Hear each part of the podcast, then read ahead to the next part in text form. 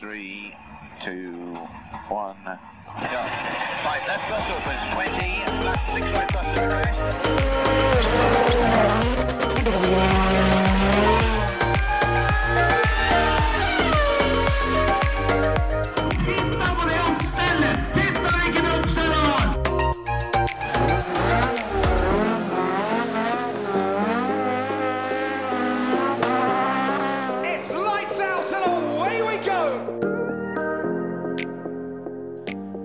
Velkommen til en ny episode av Førermøtet. Og eh, ja, alle dager, Emil. Hva, Ja, bare litt uh, mikrofonjusteringer. ja, Du passa på å ta det akkurat når Ja, du det, begynte. jeg kom på det at faen, jeg skulle vinkla den opp. ja. ja, men da er vi i gang. Yes. Du er på luft, da. Ja, ja. Ja, eh, det er jo en stund siden sist, så det skal justeres litt mikrofoner og sånn. Må det. Så har vi gjest i dag. Det har vi. Velkommen, Molly. Takk for det. Jeg er eh, litt nervøs for å uttale etternavnet ditt. Jeg er ikke helt sikker på, Er det Petit? Det er Grøndal. Ja, det er, jo, det er jo for så vidt helt sant. Det hadde vært mye lettere å bare tatt den. Det var total skivebom rett fra start. Nei da, jeg bruker eh, Petit. Petit, ja. Ja, jeg Ok. gjør det. Da veit vi det. Da, da fikk jeg svar på det, for det, det har jeg lurt litt på. skjønner Åssen det der er. Åssen er det med deg? Du, det er eh, veldig bra. Eh, det er kjekt å kunne komme hit i kveld, og litt babyfri. Og, Ja, for dagene går eh, stort sett i det. Med Ja. litt jobb innimellom, da. Ikke sant? Så nå, nå er det Anders som, eh, som er hjemme og er barnevakt. Det er det. Så Anders og ingeniøren hans uh, sitter da hjemme med dattera vår på gulvet. Så de sitter med hver sin PC og nerder fordi det er løp til helga. Eh, og hun sitter der sikkert med en sånn derre Åh, sånn der liten eh, treleke-Formel 1-bil. Ja.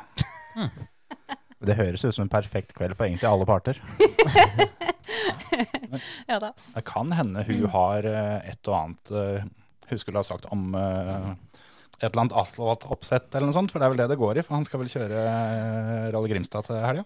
Det stemmer. Og i morgen er det test Mm. eh, et eller annet sted i Lier. Og da har han jo bedt oss om å komme, da. Så nå har hun fått hørselvern, åtte måneder gammel. Og hun har jo allerede fra før Sparko-drakt. Så nå skal jeg vel ut og se på pappa brumme litt. Eh, det var på tide, syns jeg. Ja, absolutt. Hun har jo bare vært med på ti VM-runder, tror jeg, i magen. Ja, ikke sant? Ja da. Godt vant allerede. Såpass må det være, syns jeg.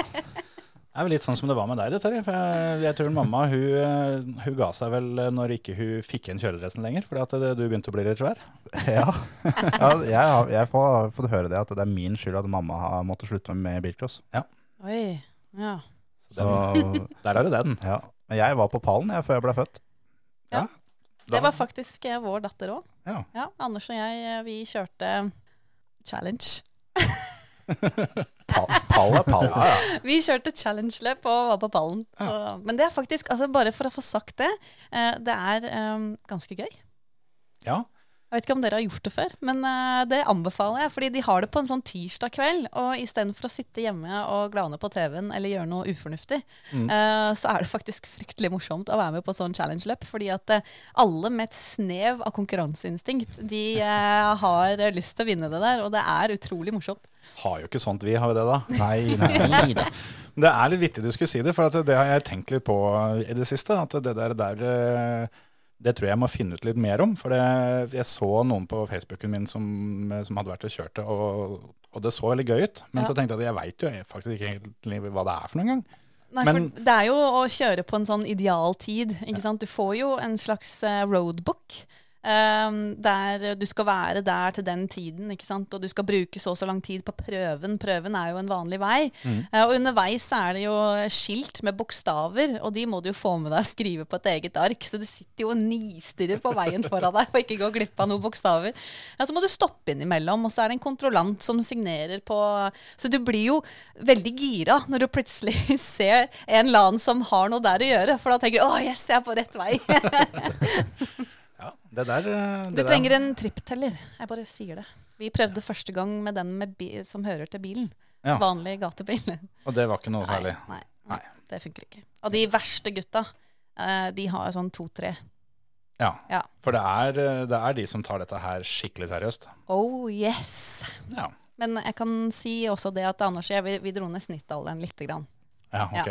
Ja. Men det syns jeg er bra. Jo flere unge inn i det der. På en tirsdag kveld. Det der, eh, det der må testes. Jeg får eh, kikke litt i kalenderen og se om det, om det er noe løp. Gjør det. Det høres nesten ut som at vi må spille inn episoden til uka på mandag eller onsdag. Altså, vi bare må, vi må til her nå. Det er jo typisk at alle Challenge-løpa skulle være på tirsdag, da, når vi driver og spiller en podkast. Ja, det er akkurat det. Og jeg vet ikke om hva som er neste, men dere får sjekke det ut. Ja, det er vi helt nødt til. Ellers så får vi bare ta det live fra bilen. Ja. Det Ja, går. kanskje det er en episode? Det går. Er det lov å være tre i bilen? Det kan godt hende, men jeg må bare si én ting. At du rekker ingenting annet enn å kjøre og lese. Eh, altså Det er så intenst. Bare spør eh, min mann Anders. Han er jo da selvfølgelig kartleser når vi gjør dette her. Jeg kjører. Ja, ja. Eh, og, og han har det altså så travelt at eh, på slutten av det så er han jo helt ferdig. Kanskje han, eh, han får litt eh, annet syn på den som er, er kartleseren Ja, hans jeg til tror kanskje det. Nei, det der, der skal rett og slett testes. Det, det, må vi, det må vi finne ut av, gutter. Ja, det er, all konkurranse som med bil er jeg med på. Må du ha på hjelm? Nei, nei. Det var flaks. Jeg har ikke, jeg har ikke hjelm hvis du skal ha med, Terje, for jeg har jo brukt din. Ja, du har jo har det så fint at du ikke har kjøpt eget og bare lånt mitt. Hvis ikke så har jeg en. Du kan låne. Sikkert et par. Ja, antageligvis. Jeg tror vel, det er ikke der det skulle stoppa. Nei. Jeg var, vi tenkte egentlig på når du spurte om det med hjelm, om at du var redd for sveisen. At du, Ha, har vært, uh, vært akkurat meg da, ja. Takk for at du sa det. ja, akkurat det. Men Molly, åssen var det du kom inn i motorsport? Oi, oi, oi. Um, altså når jeg var eh, tenåring, så eh, fant jeg vel egentlig ut at det var fryktelig morsomt å være med ut og henge på kveldene med de som eh, var litt eldre og kjørte bil. Og da bodde jeg i Stavanger. Um, jeg, men kan godt ta hele podkasten på Stavanger, men det er ikke sikkert mange skjønner hva jeg sier, så da blir det Det østlandsdialekt. er helt greit om, om vi kan slippe. Det, det hadde egentlig vært litt fint, for vi har fått litt kommentarer på at det er litt lite spredning. At eh, vi er litt for glad i folk som bor litt nærme, og det er jo av praktiske årsaker. Så hvis du kunne fylt den kvota der, så hadde egentlig det vært bare bra, det. Vi, vi holder oss til den her. Men um, i hvert fall, da var det et veldig stort miljø uh, for um, litt sånn uh, Fast and the Furious-stil. Dette her var jo da slutten på 90, begynnelsen på 2000-tallet, og det var mye god gammeldags råning, vil jeg vel kanskje si. Eh, og når eh, lappen var i boks, eh, så etter hvert så kjøpte jeg meg en eh, sportsbil. Gammel Nissan med turbo og bakhjulstrekk. Eh, og da skulle jo kjøreferdighetene eh, følge med, men de gjorde jo ikke alltid det. Eh, men det blei jo en god del råkjøring med den bilen. Uh, og etter hvert så var det jo over til eh, gatebiltreff osv., og, så videre, og så ble jeg veldig dratt til eh, den type kjøring. Der var det jo gatebil ekstrem, blant annet. Altså, det var jo ordentlig racing, ikke sant. Og jeg var jo ikke vant til sånne ting i det hele tatt. Eh, og det var, det var så mye større enn hva jeg var vant til også. Eh, og da fant jeg ut i eh, 2005 at jeg skulle rett og slett ha en sommer på Østlandet. Eh, og da flytta jeg til Skedsmokorset, og så fikk jeg meg en jobb med å vaske biler. Mm. Eh, og jeg var skikkelig hva hva skal man si, ja? Jeg gikk rundt med en eh, jakke det sto Nissan på, og jeg hadde caps det sto Nissan på. Eh, og jeg vaska biler og tjente litt penger på det, og jeg bodde i et bøttekott eh, langt ute på Skedsmokorset der. Og siden blei jeg, da. Mm. Sånn at jeg, endte jo aldri opp med å dra tilbake til Vestlandet. Jeg blei på Østlandet og fikk meg diverse jobber i bilbransjen. Eh, alt fra reservedeler til eh, bilsalg til jeg jobba et par år for administrasjonen administrasjon i gatebil. Mm. eh, og var med og, og arrangerte løp der. Eh, og, og så har jeg jo bare blitt. eh, og en hel masse ting har skjedd, egentlig. Klarte jo da Eller endte jo opp med å selge den gatebilen jeg hadde, den Nissanen, eh, for å så begynne å bygge egen løpsbil. Og det tok fire år, Mm. eh, med mye dugnad og alt mulig. Og debuterte i 2009, da var jeg 25 år, Ja. på et gatebil ekstremløp. Da hadde du bygd bilen sjøl.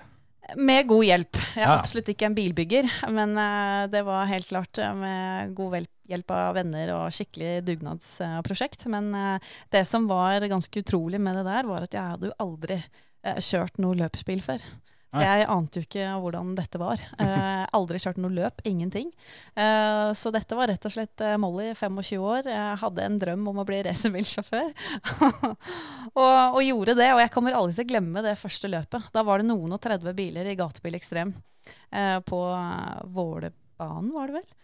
Eh, og altså bare det å kjøre den oppvarmingsrunden, og jeg bare jeg, jeg kjente på en måte alle kreftene rundt meg, og herregud, hva er det jeg har begitt meg ut på nå?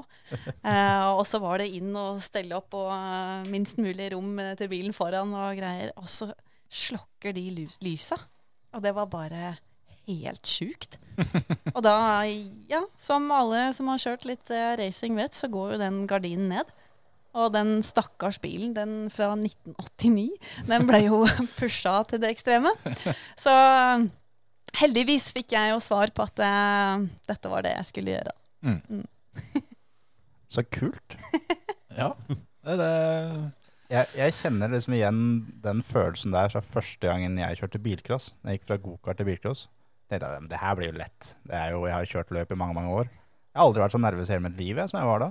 Da. Men når lar lysa slokker, så går det inn i bobla. Ja. Da glemmer du alt annet. Ja. Det er en helt drøy følelse. Og den lykken etterpå.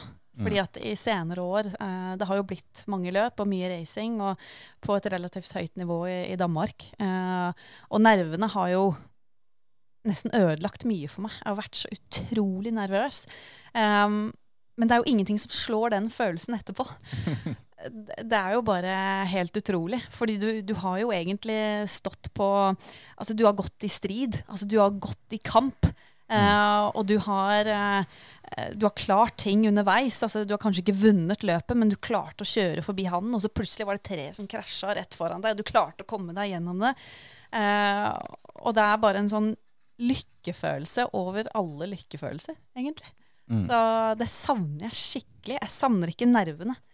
Altså, fy, jeg fikk ikke sove, jeg klarte ikke å spise. Ingenting. Men, men den følelsen etterpå, den skulle jeg gjerne hatt på boks. Du, når du kjørte, Emil, du var jo aldri nervøs. Du, du fantes jo ikke. Er du, sånn, er du litt misunnelig på det, de, sånn som Molly, da, som var kjempenervøs på å bare kjenne åssen det, det er? Nei, for jeg har jo vært eh, Jeg var jo det Siden du gikk, tok steget fra Norge til utlandet, da Den der kvalmhetsfølelsen er ikke noe digg, den, ass. Når det, det liksom er så nervøs at det blir bare dårlig. Det, det savner jeg ikke, for å si det sånn. Jeg har kjent på det, ferdig med det. Altså, Eh, hva, hva var det du gjorde for å slutte å være nervøs? Nei, jeg begynte å ha litt tro på meg sjøl, jeg. Da begynte det å funke litt bedre òg. Mm. Så det er ikke så mye du får gjort med det som skjer, så bare være klar, da. Jeg vet ikke. Det, det bare, jeg bare slutta. det hørtes deilig ut. Et tips til alle dere ute. Bare slutt å være nervøs. Men uh, Andreas Bakkerud sier jo det at uh, det å være nervøs er egentlig litt bra. Mm. For når du er nervøs, så er du også skjerpa. Og det er jeg helt enig med han i, fordi at eh, jeg kjenner på disse følelsene i jobben min også, som reporter. Ute i verden og live TV. Uh, da også i, i sekundene som de teller ned til programmet starter og sånne ting, så kjenner jeg skikkelig på det. Og det er akkurat de samme følelsene. Eh, og man skal prestere. Eh, og man blir mer skjerpa. Mm. Eh, altså, hvis du klarer å kontrollere det, mm. så, så blir du faktisk eh, skikkelig god. Mm. Mm. Ja, det er noe med det der at det, når en begynner å telle ned, så er det liksom tre sekunder nå til jeg skal være på det aller beste jeg kan være. Og du, du bare må på en måte ta, ta det der steget, da. Og det, som du sier, den der følelsen etterpå, når du føler at eh, det du akkurat har gjort var bra, så Når, du- når du snakker om å ta, ta det steget, liksom, så husker jeg Atle Gulbrandsen ga meg en mulighet i eh, var det 2011 om å kommentere eh, Viasat sine mm, rallysendinger. mm. Og eh, jeg hadde ikke all verdens erfaring med rally. eh, og, og jeg syntes det var så gøy å jobbe med TV. Og jeg tenkte å, for en mulighet! Den, den kan jeg ikke si nei til. Um, men rally er jeg ikke så god på. Og inn til uh, Viasat sine lokaler, og inn på et rom. Eh, og der fikk jeg se programmet én gang, og det er sånn highlights-program på en halvtime.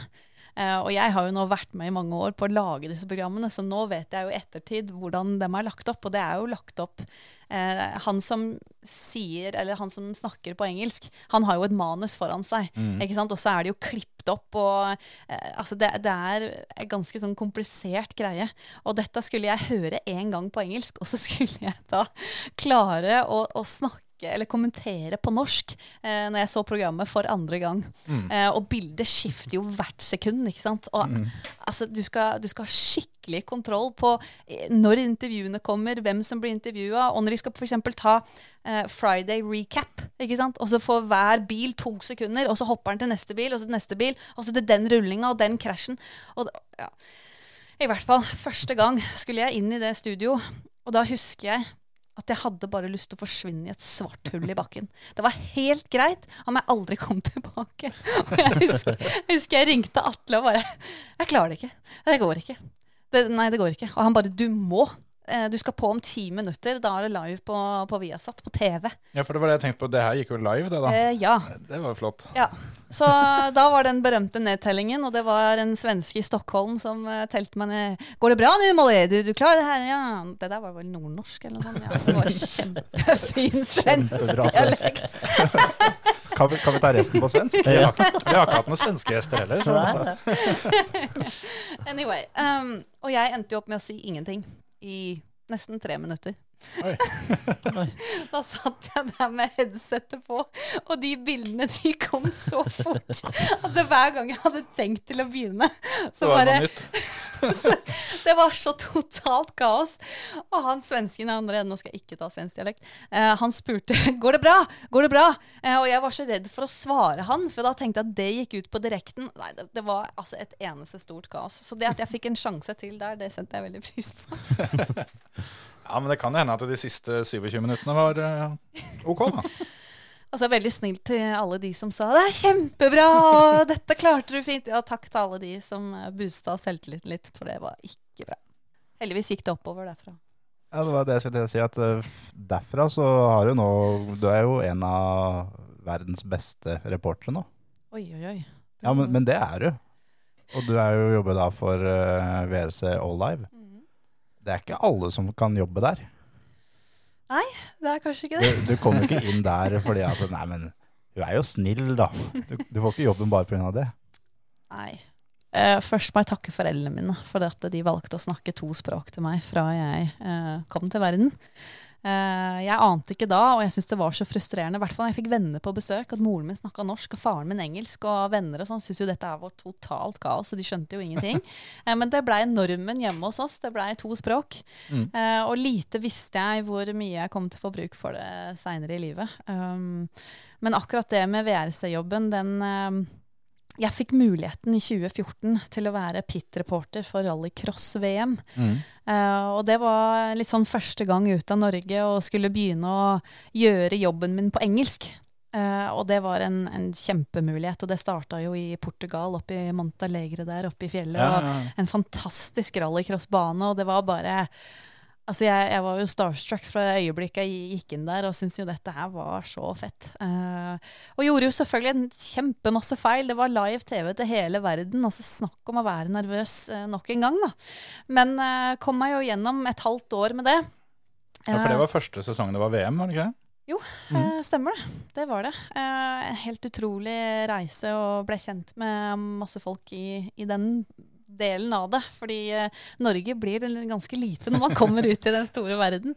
Um, og så gikk jeg jo videre til å bli hovedkommentator for TV 2 med rally-VM i 2015. Og det var utrolig gøy, jeg og Cato Menkerud. Og så fikk jeg dratt på tror jeg, fire VM-runder. Og jeg begynte å kjenne på det savnet av at uh, jeg har lyst til å jobbe internasjonalt. Jeg har den muligheten, når jeg kan snakke flytende engelsk. Og eh, rally er på en måte det jeg har lyst til å drive med, og det jeg syns er eh, det aller morsomste. Så eh, det var etter eh, ja, Det er kanskje en historie vi kan komme tilbake til, men det var etter en eh, litt, litt sånn halvmislykka audition jeg hadde i England. eh, på høsten 2015 så bestemte jeg meg for at nå skulle jeg følge en drøm. Mm. Og da skulle jeg til Wales med TV 2 eh, i november. Og da bestemte jeg meg for at eh, nå skal jeg få et møte med sjefene i VRC Promoter. Ja. Og det fikk jeg, og det husker jeg var litt sånn hemmelig, hemmelige greier. Fordi at de spurte om vi kunne møtes eh, i hospitality-området til Volkswagen. Eh, så vi skulle liksom ikke møte i TV-området der, sikkert for å unngå masse rykter og sånn. altså Gudene vet. Men der kom jeg og banka på hos eh, Volkswagen Hospitality, og heldigvis visste jeg litt hvem de var fra før, fordi at vi som TV 2 fulgte jo Andreas Mikkelsen. Eh, og satt der og venta, og de kom inn, og vi snakka litt, og de spurte hva jeg hadde gjort, og det var jo ikke all verden. Det var litt eh, vi har satt, og så var det litt rallycross-VM, ikke sant. Altså, ja, du har ikke så mye erfaring, og ja, men ja, vi kan snakke om det. Og så fikk jeg en liten sånn tour av eh, VRC TV. Og så gikk det en liten stund, og fikk en telefon om at eh, du, skal få, du skal få prøve deg. Mm. Monte Carlo 2016. Du skal få prøve deg som VRC-reporter. Ja. Åssen er det å få den telefonen der? Shit, altså. Det er så sjukt. Den telefonen fikk du vel på høsten eller noe sånt? Den da, kanskje, eller? Den fikk jeg jo ganske tett opp til altså Dette var jo november i Wales, så det var vel i løpet av november-desember. Eh, det var en del telefoner frem og tilbake. Jeg måtte snakke med flere av de som Altså produsenten og alt sammen, ikke sant. Um, og da husker jeg han TV-sjefen ringte. Han var en ganske skarp tysker. Altså han var eh, ja, Han mente jeg hadde altfor lite erfaring. Og ja, men du skal få prøvetid. Du skal få prøve deg på Monte Carlo. OK. Og kom jo til Monte Carlo. Altså kjempenervøs, full av forventning. og vi skulle kjøre en sånn fire timers liveshow i Monaco utenfor kasino med kjendiser som skulle sitte på i rallybiler. Det var liksom første, første jobben min på VRC, var det. Eh, og altså, nå kommer jeg ikke på en eneste kjendis, det er skikkelig dårlig. Men det var altså noen, noen filmstjerner, og så var det eh, hun danske som er så flink i tennis. Altså, det var jo en del sånne store idrettsstjerner og sånn. Um, og skulle da komme meg gjennom fire timer livesending med dem, og det, det, gikk bra. Og så fikk jeg beskjeden. For jeg trodde jeg skulle fra Monaco til Gap, altså til serviceplassen, eh, mm. og egentlig bare uh, ta kvelden og uff, uh, dette var en bra første dag. Så får jeg beskjed om at det er Molly, du skal på slutten av første prøve. Den skal sendes på TV live. Og det er den alle da kan se hjemme i Norge, om det er på TV2 eller hvor det er hen. Ikke sant? Der skulle jeg være stage end ved siden av Colin Clark. Åpningsprøva på VM det Åpningsprøva året. på VM 2016. Den etappa som alle ser på. Ja. Det er vel kanskje den mest sette etappa hele sesongen, antageligvis. Bare sånn for å liksom begynne et sted. Så eh, det var egentlig sånn det begynte, at jeg fikk alle de TV-etappene. For det er jo det som jeg har gjort uh, har vært hovedgreia mi i VM. Mm. Uh, alt fra shakedown og så gjennom hele helgen. Uh, gjort intervjuene på slutten av de live, TV Live-etappene. Og det går jo live til 150 land i verden. Ja. Hvor mange seere er det? Har du fått noe tall på det? Altså, I løpet av en sesong så har de jo samla sammen noe tall på 900 og et eller annet millioner seere. Ja. ja. Det er litt flere enn vi har, gutter. Ja, men det er så vidt. Ja. Men hvis du tar hele sesongen totalt, så er vi ikke så langt bak. Da er vi ja, kanskje Veres er ikke så langt bak, nei. Nei, altså, Hvis du sa 950 millioner, var det du sa? Ja, ja altså ja, hvis, opp, opp, mot en milliard seere. Ja, så da er vi snaue milliarden bak, da. Kommer seg dette. Sakte, men sikkert. Gi oss et par episoder til nå, da er vi der. Men det, hvis jeg bare kan, kan uh, si én ting til. Uh, jeg kommer aldri til å glemme at jeg sto i mørket eh, på slutten av den prøva. Og det er eh, en del franskmenn rundt der, og de fyrer bål. Eh, og jeg kan, hvis jeg lukker igjen øynene nå, så kan jeg liksom Jeg kan lukte det. Og, og, den spenningen, og så kommer liksom nullbilen igjennom. og så venter du på den mm. første rallybilen. Og det er jo bekmørkt, og det er jo en bitte liten landsby, og så står det en OB-buss der, og Uh, helt surrealistisk. Du, er, du, har så mye utstyr på deg at du omtrent uh, detter ned på knærne. Og første rallybil kommer, og du ser de sterke lysene som kommer ned en eller annen S-vei. ikke sant? Mm, der kommer Roger. oh, herregud, vet du. Uh, og bilen ruller opp, og det hyler i bremsene. Og alle de luktene man kjenner, ikke sant, med varme dekk og varme bremser og svett sjåfør, og det er bare det er så kult. Og, og, og, jeg får liksom være den første som får prata med dem. Mm. Åpner døra, og noen ganger så får vi en sånn rutine på at jeg til og med gir dem capsen som er i den lomma ved, i døra. Ja. ikke sant? At du får en sånn greie. Uh, og i, i de sekundene du stiller spørsmålet, ikke sant, så lytter på en måte hele verden. Mm. Uh, og det Ja. Takknemlig for å ha en sånn jobb. Ja, Det, jeg mener det, det er drømmejobben, rett og slett. Så er det jo litt sånn som du sa òg, da. At eh, den derre følelsen etter du har kjørt, hvor du da er full av alt av på en måte Jeg kaller det adrenalin og det ene og det andre, da. Og så kommer du og har sikkert akkurat det samme, mens alle vi som ser på, tror at du er helt rolig og fin. Og så Ja. Og så skal du liksom få fram noen spørsmål som eh, jeg går ut ifra da, ikke kan være for kompliserte, for du skal jo få et svar òg, ikke sant? Ja, Som, og- eh, Man skal huske at mange av disse sjåførene de har jo ikke norsk eh, Eller norsk, nei, de har de selvfølgelig ikke. De har ikke engelsk som morsmål. Så for mange av dem så er jo engelsk litt vanskelig. Mm. Så man er nødt til å keep it simple, stupid. Liksom. Det, er, det må være enkle spørsmål. Og, men så må man være litt på ballen og få med seg noen interessante opplysninger som man kan følge opp på gjerne. ikke sant? Men veldig ofte så vil en bare ha ett spørsmål, så skal den videre til neste bil. ikke sant? Altså, ja, det er mye man skal tenke på. Men jeg har reflektert liksom litt grann på min egen kjørekarriere og jobben jeg gjør. og Altså, jeg begynte med racing som 25-åring. Det vil jo egentlig si at man eh, ikke har noe særlig fremtid bak rattet. Altså hvis man skal leve av det.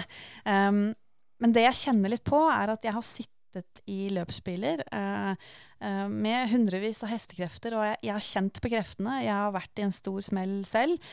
Um, og jeg på en måte Jeg vet eh, hva, som, hva som kreves for å bli skikkelig god, for å bli en ener. For jeg er ikke den personen, men jeg har kjørt sammen med de som er skikkelig gode. Um, og det er litt sånn Over til rally-VM så får jeg på en måte omringet meg med nesten sånn utenomjordiske personer som har det talentet bak rattet, da.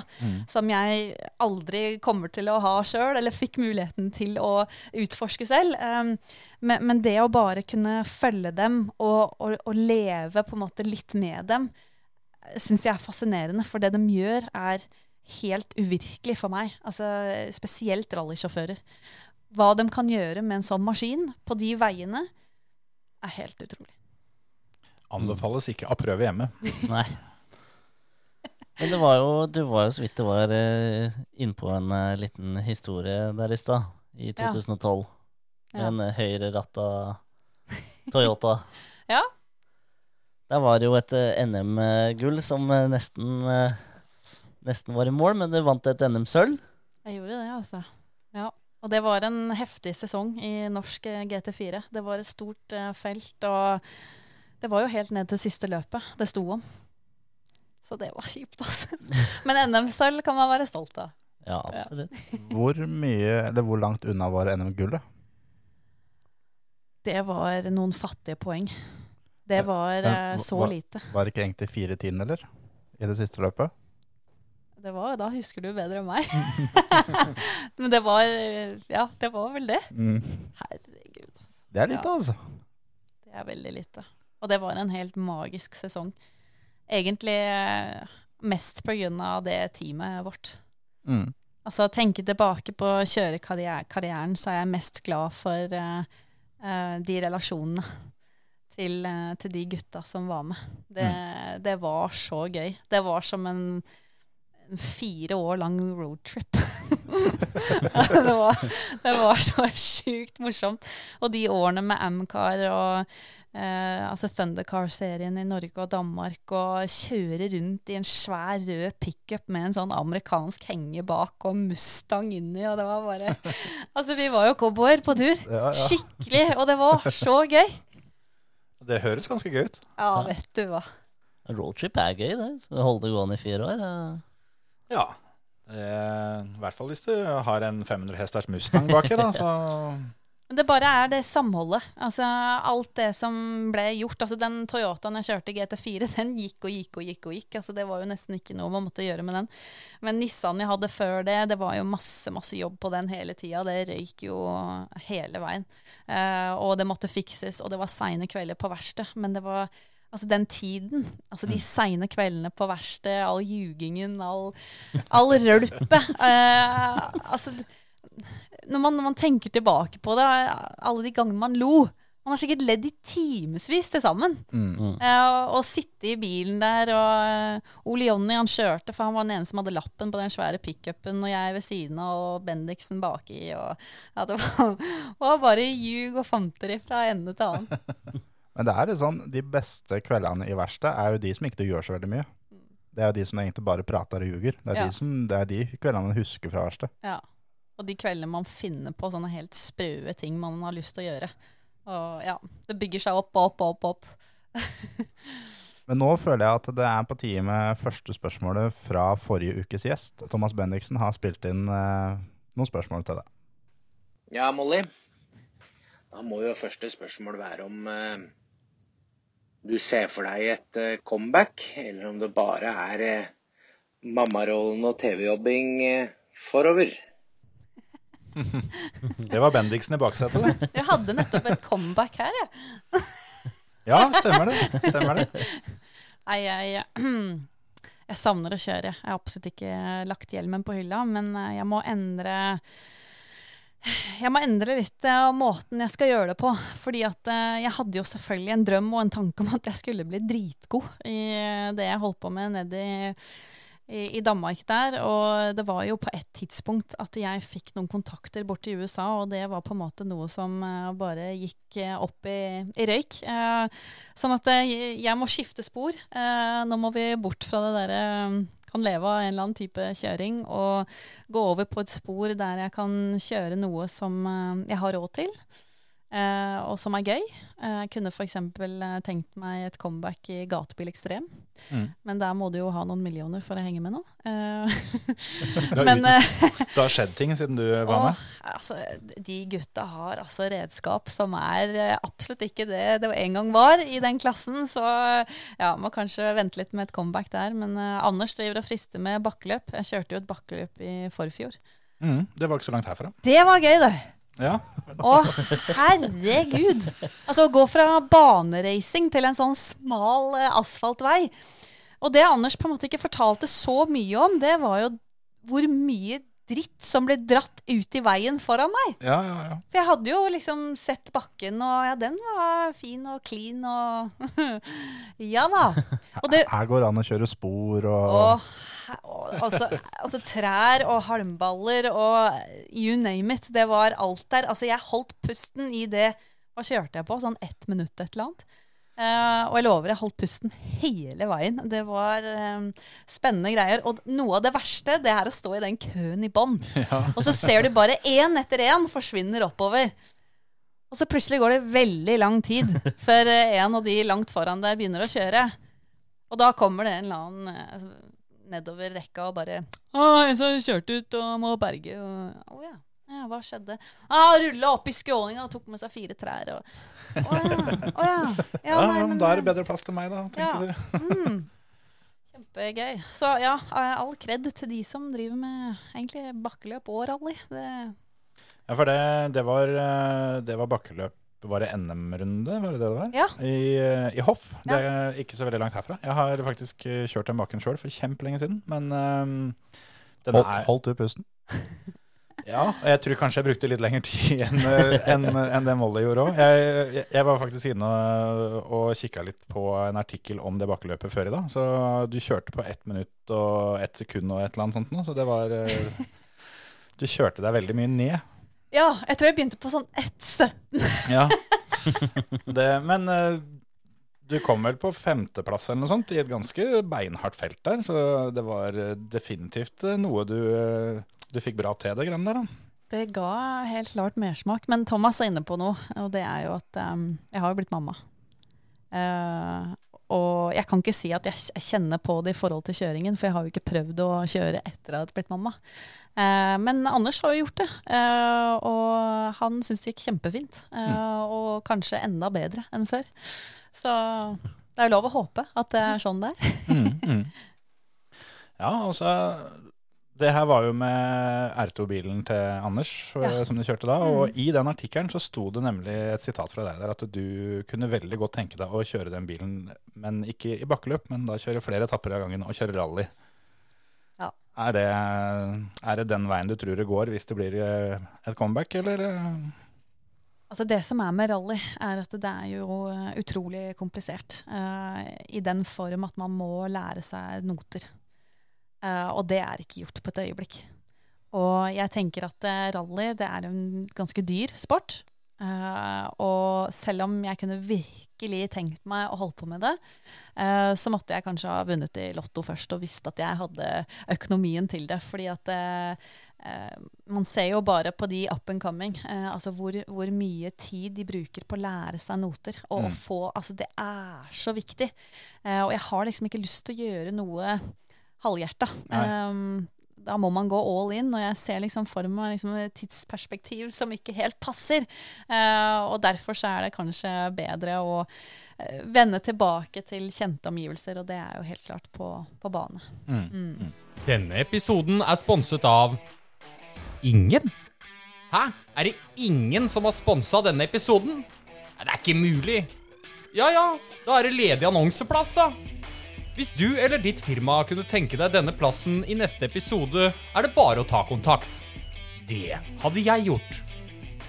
Um, apropos på bane, og du nevnte jo så vidt i stad at du hadde en voldsom krasj i Århus Ja. med en Ford Mustang. Var i, når var det? 2015? ja. Skjedde mye i 2015. Og du hadde 216 km når Ja. du smeller. Ja. Kan ikke du fortelle hva, hva er det som skjer da? For da opplever du kanskje alle føres verste mareritt. At pedalen går i gulvet. Mm. Det er ikke brems. Åssen er den følelsen? Er lov å banne? Ja, ja, ja. ja. Helt Her er alt lov. Helt jævlig. Um, jeg eh, hadde en bakfanger som hadde falt av eh, under løpet. Eller den hadde ikke falt helt av, og det var jo det som var problemet. Den eh, dro jeg bak bilen og fikk beskjed om Jeg fikk teknisk flagg at jeg måtte i pit og få den dratt av. Så jeg dro den og fikk den dratt av, og så kom jeg ut igjen da bak feltet. Eh, jeg var et eller annet sted midt i. For, for det er som det er på en, en gatebane, bare Ja. for å legge til enda mer. Og, ba, og bare Jeg vet ikke om du har, har du kjørt på gatebane, Emil? Nei, ikke Nei. kjørt på gatebane. Det er eh, Altså, eh, kom til en gatebane, så bare glemme alt du har lært om baneracing før. Eh, det er helt sjukt. Um, alt fra hvordan asfalten er, eh, til um, f.eks. der det har vært midtrabatt. Der uh, fjerna de midtrabatten. Og det som blir liggende igjen der, det er så grov asfalt at det kan du virkelig bruke til din eh, fordel eh, når det gjelder å, å bremse deg inn på en annen bil. For det er altså det, det biter så veldig med varmesliks. Eh, og det var masse sånne triks. Eh, vi måtte jo heve bilen litt, fordi at eh, det kunne jo være steder på banen der det gikk brått nedover og så opp, og det tok jo nedi så gnistene gnistende Altså, det var jo fyrverkeri. Eh, og den tunnelfølelsen, den har jeg aldri opplevd eh, maken til som jeg gjorde der. Eh, fordi at du kjører rundt eh, Mindeparken i Århus sentrum, eh, og trærne henger jo over veien der. Eh, og når du kommer da i 200, eh, så blir altså Alt blir så smalt og lite. Um, og så skal du gjennom sjikaner som egentlig garanterer å ta av speilene på bilen. Alle mista jo speilene der, for det var så trangt. Uh, I hvert fall, jeg kom ut bak feltet, Uh, og så bremsa meg inn siste sving før langsiden. Alt fungerte helt fint, og så, så tok jeg jo igjen den bakerste delen av, av feltet. Eh, og skulle egentlig bare opp uh, ved siden av en annen bil, for å så følge han gjennom sjikanen ved enden av langsiden. Og så, og så ta han da opp bakken, um, for der var det gode forbikjøringsmuligheter. Uh, og kommer til der man skal bremse ned hardt, fra ca. 220, eh, og pedalen går rett i gulvet. Jeg kjenner jeg får litt sånn sug i magen bare av å høre om det. Og når du, når du da har 2,20 og pedalen går rett i gulvet eh, Jeg har aldri kjørt det dobbelte, men det føltes som at bilen plutselig gikk i det dobbelte. Mm. Eh, fordi at det, det, det stopper jo ikke. Altså det er sånn, Du er vant til at det, alle de kreftene du får ved nedbremsning av G-krefter og Altså det, er, det er ganske voldsomt. Uh, og i hvert fall i en sånn svær Mustang der alt er veldig klung, klung, klung. ikke sant? Det er jo så mye lyder. Um, og det skjer ingenting. Og, men ufattelig hvor mye jeg rakk å tenke i løpet av den tida. Mm. For det var, jeg husker det var helt sånn, det var helt klart og tydelig tre ting som jeg tenkte på. Og det, det første var bilene foran meg. Mm. At jeg må for guds skyld ikke treffe dem. Eh, Det andre jeg tenkte på, var eh, er det en vei ut? Fordi jeg visste jo at det var en escape eh, route ved enden av langsiden. Men når jeg kom i den farta, så var det jo bare en vegg, det også. Eh, For den var jo på en måte satt opp sånn. Jeg vet ikke hvordan man forklarer det når man snakker sånn podkast, men eh, ja, det var, det var i hvert fall sånn. Eh, og, men det, Akkurat sånn var det. ja, akkurat sånn. Det var helt umulig å forklare. Men eh, det så jo ut som en vegg når jeg kom i den farta, så det var ikke, eh, det var ikke snakk om å prøve å finne den veien ut i det hele tatt. Eh, og det siste jeg tenkte på, var at det på enden av langsiden der så står det masse folk bak betongmurene. Mm. Mm. Eh, og så, eh, mens jeg tenker det, så prøver jeg å dra pedalen ut, for den hang jo bare ned i gulvet der, og jeg prøver å vippe den opp og, og prøver å gjøre noe. Uh, og det går jo selvfølgelig ikke, så da, da tenkte jeg bare shit, nå er det game over. Nå, nå er det slutt, liksom. Mm. Og jeg opplevde, det høres sikkert helt crazy ut, men jeg opplevde å miste hørsel. Det blei veldig stille. Og så gjorde jeg bare en siste sånn helt eh, desperat eh, gjøre noe, eh, og det var å, å, å bare dra rattet mot høyre. Og da kasta jeg jo bilen eh, sidelengs, og så lukka jeg øynene. Og da husker jeg bare huet liksom datt litt ned, og jeg bare Ja. Det, det var litt sånn eh, desperat øyeblikk, samtidig som at det var en sånn ro over det. Det var sånn Altså, det var så vilt, liksom. Eh, fordi når du, når du er på en bane, og det er avkjøring, og det er sand, og det er gress, og det er eh, Jeg har aldri hatt den følelsen før. At eh, liksom, dette her går ikke bra. Mm. Men fordi alt rundt deg er betong, eh, og så er det noen biler, så bare Du er jo rasjonell nok til å tenke at det her går jo ikke bra. Mm. Um, lukka jeg øynene, og det tok jo en evighet, og så treffer jeg jo noe. Eh, og det smalt. Det smalt så mye at jeg fikk lufta litt sånn slått ut av meg. Uh, men jeg skjønte at det ikke var nok. At det kom mer, da. Um, og da gikk det noen millisekunder til, og så traff jeg jo betongveggen til slutt. Det første jeg gjorde, var at jeg åpna jo opp øynene, og så kikka jeg ned på kroppen. Ja, ikke sant? For å se om er det noe, er det noe igjen der ennå. Ja, for det var sånn Det var helt sånn surrealistisk øyeblikk. Det var sånn Nei. Det var som å bli borte og komme tilbake igjen. Det var eh, helt sånn merkelig. Var det den der eh, klassiske vifte med tærne ok, nå Nei, men det var sånn, nei, men det var sånn helt seriøst. Eh, Du måtte se om det var noen ja, tær der i det ja, hele sånn, tatt. alt, ok, alt funker, og så røyk det så innmari fra motorrommet. Og da slo jo instinkten inn eh, at jeg måtte komme meg ut asap. Mm. så da var det Jeg reiv av beltene, og jeg tok ikke av rattet engang. Jeg bare på en eller annen rar måte bare eh, kom meg ut av bilen. Eh, og da, og da husker jeg Dette snakka jeg faktisk noe med noen om nylig. eh, At um, eh, når jeg kom ut av bilen, så ble jeg ganske forbanna på ambulansearbeider og sånn. Uh, fordi at det hadde jo en slags sånn derre uovervinnelig kraft. Altså det var sånn derre Sjukt! det gikk bra! og de var sånn Du må bli med oss, du må bli med oss. Du, altså Ro deg ned, sett deg ned. Og jeg skal, jeg skal ikke sette meg ned! Altså, altså det var sånn Jeg var jo superwoman. Um, så ja, jeg hadde absolutt ikke lyst til å bli med inn i den ambulansen. Men Ja, tålte jeg. du det der, der sånn, så kan du tåle alt, på en måte. Så Jeg vet ikke om vi har tid til det, men eh, jeg har en historie knytta til, eh, til den hendelsen. Fyrløs. Jeg vet ikke om noen av dere er litt sånn uh, overtroiske. Visse, visse grader. Kun på tirsdag. Altså, det er bare en litt sprø historie som jeg tar med meg i livet som en, eh, en morsom greie. Men uh, to uker før dette skjedde, så var jeg på Hockenheim. Fordi at jeg blei tatt inn i siste øyeblikk som uh, erstatter for uh, den faste reporteren i rallycross-VM. mm.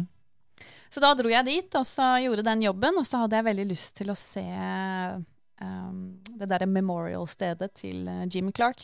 Mm. Ikke der han krasja, men de har jo lagd sånn, et lite sånn tempel foran der med, med mye greier. Og dro dit og tilbrakte noen minutter der. Uh, og jeg, altså hvis man ser tilbake i tiden, så er jo han en av de store. I hvert fall på den tiden. Og når du tenker på bilene de kjørte og forhold Altså, det er jo helt vilt. Eh, Altså, det Ja, utrolig å tenke på. Skulle gjerne måtte kunne gått tilbake i tid og så sett Formel 1 på 60-tallet, liksom. Det hadde vært, det hadde vært så kult. Altså, Det hadde jeg om- faktisk ikke turt å kjøre, altså. Nei. Men altså, tenk, tenk å dra eh, Jeg så nylig en dokumentar, eh, Brabham, Mm. eh, om, om Jack Brabham. Og altså, bare tenk å vite at hver gang du skal på løp, så dør det sannsynligvis noen. Mm. Altså Bare det å, å dra på løp med den tanken Altså Gutta på Isle of Man og TT og det der, de, de er jo sånn. Ja, ja. De drar jo på det løpet vel vitende om at de kanskje ikke skal hjem igjen. Uh, men gutta på den tida der i Formel 1, altså det, det gikk jo med folk hele tida, og det er så ekstremt. Men anyway, back to the story. Uh, jeg lå da på sykehus i Århus, på ryggen med nakkekravet og det hele. Og de hadde satt av et stort rom for alle racerbilsjåførene som kom til å krasje den helgen. For det skjer ganske ofte. Fordi at eh, Classic Race Århus, som det heter, det er et løp for alt mulig. Du har noen eh, sånne enhetsklasser, sånn som oss. Der, det er eh, en serie som, som er der, altså som, som fungerer til det normale også. Men så har du jo også mange som kommer med historiske biler og kjører historiske løp og med historiske Formel 1-biler og alt mulig. Eh, Så mens jeg lå eh, inne på det rommet, så ruller det inn en ny pasient fra banen. Ja. Og jeg hører at det er en engelskmann, eh, og han har da knust beina sine. Han krasja også på slutten av langstrekka der. Og så hører jeg at han trenger å låne en telefon. Og så min mekaniker låner han sin telefon, og så hører jeg at han ringer hjem, sannsynligvis til kona si, og forklarer hva som har skjedd. Så legger han på, og så går min mekaniker ut av rommet, og så sier jeg um, Hi, um, are you okay? Uh, what's your name? What happened? Og så sier han ah, Hi, yeah, yeah, no, I've broken my legs. Um, uh, my name is Jim Clark, and I just crashed my Lotus Cortina on the long straight. Wow. Oi, Den, eh, den er litt drøy. oi. Når han sa det, så tok jeg, jeg husker jeg tok neglene og så bare gravde dem inn i armen min. og bare måtte klype meg sjøl skikkelig hardt. Uh, og det er helt fakta at han het Jim Clark. Ja, for det, det var det jeg tenkte på. Var det noe han fant på, liksom? Eller Nei, nei, nei, nei. Han bare happens to uh, dele navn med ja, en av de mest kjente Formel 1-sjåførene gjennom tidene, og kjørte en Lotus. Ja, men jeg tenkte det, det var liksom Ja, opp, opp han, til flere ting der. han var en uh, engelskmann i 60-årene som dro rundt og kjørte historiske løp med Cortina. Um, men uh, det var litt spesielt. det var litt, det for jeg er ikke spesielt overtroisk, men akkurat da når jeg hadde vært gjennom det jeg hadde, uh, så, så var det litt, litt artig, da. Så jeg er venn med han på Facebook. Jeg er venn med Jim Clark på Facebook. Men jeg skjønner jo at du, du måtte kjenne etter at det her faktisk var på ekte. For det, jeg hadde også tenkt den tanken der at eh, gikk det faktisk gærent i stad? Er, jeg- er jeg på sjukehuset nå, eller hvor, hvor er det egentlig jeg havna hen her? Er dette steg én Ja, til helvete? Ja, ja, er jeg på vei opp eller ned, liksom? Er, er jeg liksom litt på vippen her nå? Er det sånn Altså, vi veit alle at vi skal, vi skal den veien. Ja, nei, det, Den veien altså da Emil pekte Nedover, nedover. Nedover. Nei, da Det er sikkert eh, 35 grader her inne, men eh, jeg fikk frysninger jeg nå, altså. Fy fader. Men, men gikk det bra med det etter den smellen? Eh, nå skal jeg bare være helt sånn dønn ærlig. Um, eh, jeg hadde jo øyeblikk etterpå der jeg kunne Det gikk liksom i replay, og så gikk det ikke bra. Mm. Jeg kunne være ute og gå tur med bikkja eller uh, kjøre bil eller et eller annet, og så så jeg det hele for meg igjen, og så gikk det aldri bra. Liksom Hver gang så lå jeg kvesta i bilen. Uh, og så føler jeg på mange måter at fordi det blei noen blåmerker, så var det ikke så ille. Mm. Um, så jeg har, jeg har på en måte ikke fått fått det ut av systemet, da. altså fordi alt gikk bra med deg, så sa alle det at du var så heldig. Mens eh, hadde det vært et eller annet som gikk i stykker, da, så hadde det på en måte blitt en helt annen opplevelse både for deg og for alle rundt deg, kanskje. Er det det du tenker på? Ja, eh, det er kanskje det jeg tenker på. Eh, Så det blei en veldig stor, ekstrem opplevelse for meg, men ikke for noen andre. Nei, ikke, ja. På, på en måte. Jeg skjønner hva du mener, tror jeg. Og så blei det litt sånn Det blei fort borte eh, for alle andre, men ikke for meg. Mm. Uh, jeg sammenligner det ofte med en, en, et kjærlighetsforhold. der jeg aldri trodde at uh, noe galt kunne skje. Mm. Og så skjedde det noe galt, og så klarte jeg aldri å finne helt tilbake til kjærligheten. Mm. Det var aldri det samme å dra på banen. Det var aldri det samme å sette seg i bilen. Det var aldri det samme å gjøre det bra. Det, det var ikke den samme gleden. Det, var, det føltes mer som en slags plikt, og så måtte jeg komme meg gjennom ett løp til, ett løp til, for da fant jeg det kanskje tilbake. Mm. Ikke sant? Da kom det kanskje tilbake. Men Men det er jo ikke noe tvil om at en sånn opplevelse setter en støkk i det. Ja. Eh, uten tvil. Åssen var de i teamet rundt det her? Var de uh, litt sånn på tå rundt og venta på ga deg tid og uh, De satte meg i en bil 14 dager etterpå. Altså, det er jo for så vidt bra. Den, den Ja. ser jeg. ja. For det, hadde du fått lengre tid, så er det ikke sikkert du ville satt deg i bilen. Nei, og det blei jo starta en, eh, en um, innsamlingskampanje. Det var jo helt utrolig. Det ble jo samla inn masse penger for å få meg tilbake på banen. Uh, og det var jo helt fantastisk. Uh, men ved siden av så kjempa jeg og jeg en indre kamp. Mm. Jeg gjorde det. Um, jeg hadde vært gjennom noe som ingen kunne helt forstå. Eh, og alt fra sykehuset i Århus. Altså, de spurte meg sikkert 50 ganger hva slags hastighet jeg hadde hatt. Mm. Og vi hadde det jo på datalogg. Og de bare Nei, nei, nei. Nei, nei, nei, nei. det stemmer ikke. Nei vel, OK. Eh, og, og, så, og sånn blei det, liksom. Og kom hjem og bare Skjedde det ikke noe mer? Og så bare Litt sånn Nei. følelsen av at folk rundt deg var litt skuffa, nesten. Ja, eh, På- på, mange måter ja. sikkert. Fordi det er morsomt. Jeg har jo en nevø på, på snart tolv år. Eh, og jeg spurte vil du se video at jeg kjører. Jeg krasjer du da? Nei, nei, men uh, det gikk skikkelig bra. Jeg fikk en god plassering. Og, nei, men det er ikke så viktig. Nei. Jeg trenger ikke å se på det da. Det er ikke det gøy. så det, ja, nei um, så, Sånn var det. Åssen følte du det etter den uh, svære smellen du hadde i La Conca, Emil? Jeg kjente faktisk igjen følelsen når du sa den derre Det er noe med det når du er vant til å bremse runde på runde på runde samme sted, og du ser de samme tinga gå liksom i en viss hastighet, og plutselig så går det dobbel fart Ja. der. Jeg kan skjønne det at, at det føles som at bilen akselererer. Ja. Sjøl om ikke den gjør det, så, men akkurat der så skal det gå så veldig, veldig mye saktere. Veldig mye saktere. sånn nesten 100 km saktere, liksom. Ja. Men eh, det var uh, guffen dagen derpå Mm. eh, med en gang. Men uh, så fort jeg egentlig kom utpå, så var det Det var bra. Men jeg kom utpå dagen etterpå. Ja, ok. Mm. Og det var, det var, det var sånn Det var ikke Jeg hadde ikke noe å si. Det var Du skal kjøre. Samme faen. Mm. Og jeg samme som deg. Bare noen blåmerker og Ja. Hadde liksom et sånn skruehull i, i beinet som et plaster ordna, og det var det. Det var eh, Og jeg for så vidt fikk ikke kjørt så mye den dagen, da, men da var vel neste løp i Tyskland.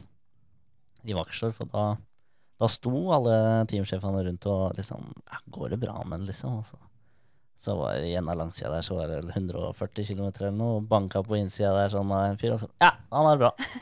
Går fint. Der var det friskmeldt. Ja. Men eh, det biter eh, godt med en gang. Ja. Det er ekkelt. Har, har du også sånn at du kan lukke øya og se tilbake igjen til den svære smellen?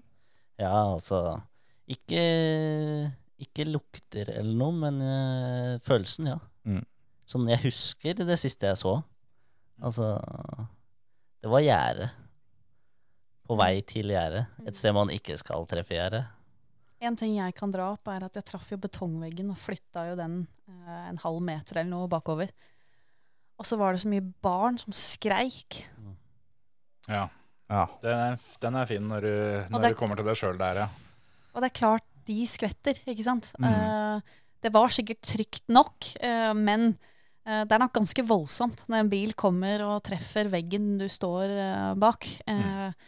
Så det var mye skriking, og det er sånn, det, det kan jeg lett dra, dra opp igjen. Mm. Men uh, vi kan jo vri det her litt inn på noe som er litt mer hyggelig Ja. enn bare krasjing. Nå, er vi, uh, nå må vi opp på hesten her igjen. Du har, nevnte jo at du har gjort comeback. Du eh, kjørte jo den dirt challengen vår, som alle gjester må imellom. Åssen syns du det gikk? Ja, Hvis utstyret hadde vært i orden, så hadde det jo gått mye bedre. Ja, for det, det nå har vi opplevd uh, for første gang. Ja, vi har fått en uh, offisiell klage her. Og um, alle vi har hatt innom, er jo på en måte motorsportsfolk som er vant til å ta i litt og sånn. Men Molly er den første som har klart å flytte hele pedalsettet når hun har bremsa. Ved å ta i for hardt. Du, du skjønner at jeg er sånn, eh, mer enn middels opptatt av at bremsene fungerer. Ja, Så ja, Så jeg, jeg, testa, jeg testa det nå. Altså, vi, vi trodde jo etter at Paulsen hadde sittet her, at det, det er ingen som får flytta på dette. Nei, Da tenkte jeg egentlig det at hvis det, etter første treningsturen at hvis det utstyret her overlever nå, da går det helt fint for Ja, da går alle det bra. andre.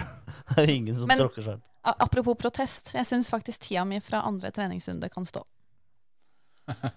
Det må vi ta opp på, på coverset. tror jeg. Nå må juryen uh, diskutere seinere, ja, tror jeg. Det skal sies da at det, det er helt sant at det pedalsettet flytta seg. Så, Ja. så, så Jo det, det Det er ikke noe vi finner på. Nei. Ja, det, jeg, jeg og Molly var eneste som satt her inne da, og begge to skvatt akkurat like mye. Begge to bare Oi! Ja, for jeg hørte det, vi, Jeg og Kjetil sto på utsida, og vi hørte plutselig at det blei snakking midt under. Så da ja, ja. Ja, da var det i skauen igjen, det tenkte jeg da. Det er jo stort sett da det blir prata. Men åssen syns du det gikk, bortsett fra utstyret, med å kjøre rally i Wales på en etappe som du også nevnte tidligere at du hadde litt, eh, litt minne fra? Ja, jeg har vært mye på Sweetlam-området der, så jeg kjenner meg godt igjen. Det var veldig gøy. Så det må investeres i en sånn rigg etter hvert, tror jeg. Uh, For det var fryktelig morsomt. Bortsett fra at uh, jeg som bruker linser, det er jo helt håpløst. Jeg blunker jo ikke én gang, så jeg får så vondt i øynene. Så det må være en, en eller annen løsning på det. Den her var jo gode tre ganger så lang som bakkeløpet òg, så Ja. det var litt lenger å både holde pusten og ikke blunke, kanskje. Ja, absolutt. Og jeg syns det er ganske fantastisk. For nå fikk jeg Jeg har jo egentlig ikke kjørt uh, noe særlig i det hele tatt, men nå skjønner jeg jo virkelig det opplegget som VRC har eh, i forhold til alle disse som konkurrerer verden over, som til slutt får komme til en finale, som til slutt da eh, vinner liksom eh, muligheten til å kjøre en bil. Og ja, altså det det, det satte ting litt sånn i perspektiv nå. Altså hvor god, gode de faktisk må være, da. Nå har vi jo ikke da tatt stilling til om eh, protesten går imellom eller ikke, så vi tar jo da den uoffisielle resultatlista her. Du kan jo nevne hvor den siste treningsturen ville gått inn, da. Sånn, eh, Ja, for, takk. for da har vi det på loggen, på en måte. Ja, Den ville gått inn på en 11. plass, eh, rett bak Stian Paulsen og rett foran Marius Gjevik. Mens da tida som ble satt, den går inn på 12. plass, rett bak Marius Gjevik. Så det er en plass å protestere om her. Det syns jeg, altså. Ja, ja, ja. Nå, du kom da i mål eh, nå da, på 3.55,6. Du gjorde det. Ja. Du er eh, foran Stian Sørli. Du er foran eh, Nils Henrik Verstad. Du er foran Veronica Engan. eh, Foran Hans Martin Jensen og foran Fredrik Brenna Lund. Så du har, en, det har mye dyktige navn bak deg. ja visst. Gøy var det. Men nå skal jeg prøve meg på en av disse her smoothe overgangene mine litt. For det, det her, her Nå er det bare å holde seg fast. Ja, folkens. ja. For, for det her, her er jo en idé som vi har, eh, som vi har stjålet fra Top Gear. Og der var det ikke så langt unna at vi hadde fått sett deg. Kan ikke du fortelle litt om den, eh, altså sjøl om ikke det på en måte blei sånn som eh, du sikkert hadde håpa, men, men, men fortell litt om det, om, om deg og Top Gear. Ja. Um, som alle vet, så var det jo tre ganske kjente programledere uh, som eh, ikke skulle jobbe der mer. og da søkte Top Gear etter en ny programleder blant vanlige folk. Og jeg fikk jo linken opp til flere ganger. Og jeg skal innrømme det at jeg tenkte først at det aldri i verden Det er som å tippe lotto, ikke sant? Altså, nei. Men eh, jeg fikk da linken igjen og igjen og igjen. Søk, da! Send inn video! Ok. Og da husker jeg at jeg var på ferie sammen med venninne på Vestlandet, utenfor Førde, faktisk. Og da måtte jeg manne meg opp for å klare For det de ønska, det var en video på 30 sekunder. Om deg sjøl. Ja. Kjempelett. Eh, not. så da klatra jeg sånn høyt fjell eh, på Vestlandet alene, og bygde da opp eh, motet til å klare å gjøre dette her. Og da på toppen av dette fjellet, altså det var jo et fantastisk område med fjell rundt meg og midt på sommeren og alt sammen, så holdt jeg mobilen ut foran meg. Og så sa jeg et eller annet sånn Hei, Molly her, eller, Så 30 sekunder med eh, vas. Sendte det inn og tenkte ikke noe mer over det. Dette var i juli 2015. Så var jeg i Stavanger en tur, hjemme hos eh, broren min, og det tikker inn en mail. Hei, Molly. Eh, takk for videoen din. Mhm. Og jeg bare What? Eh, du, den likte vi så godt. Eh, og du er på en måte videre. Ja vel. Ehm, vi ønsker nå i løpet av to dager at du sender oss en video på seks minutter. Ja.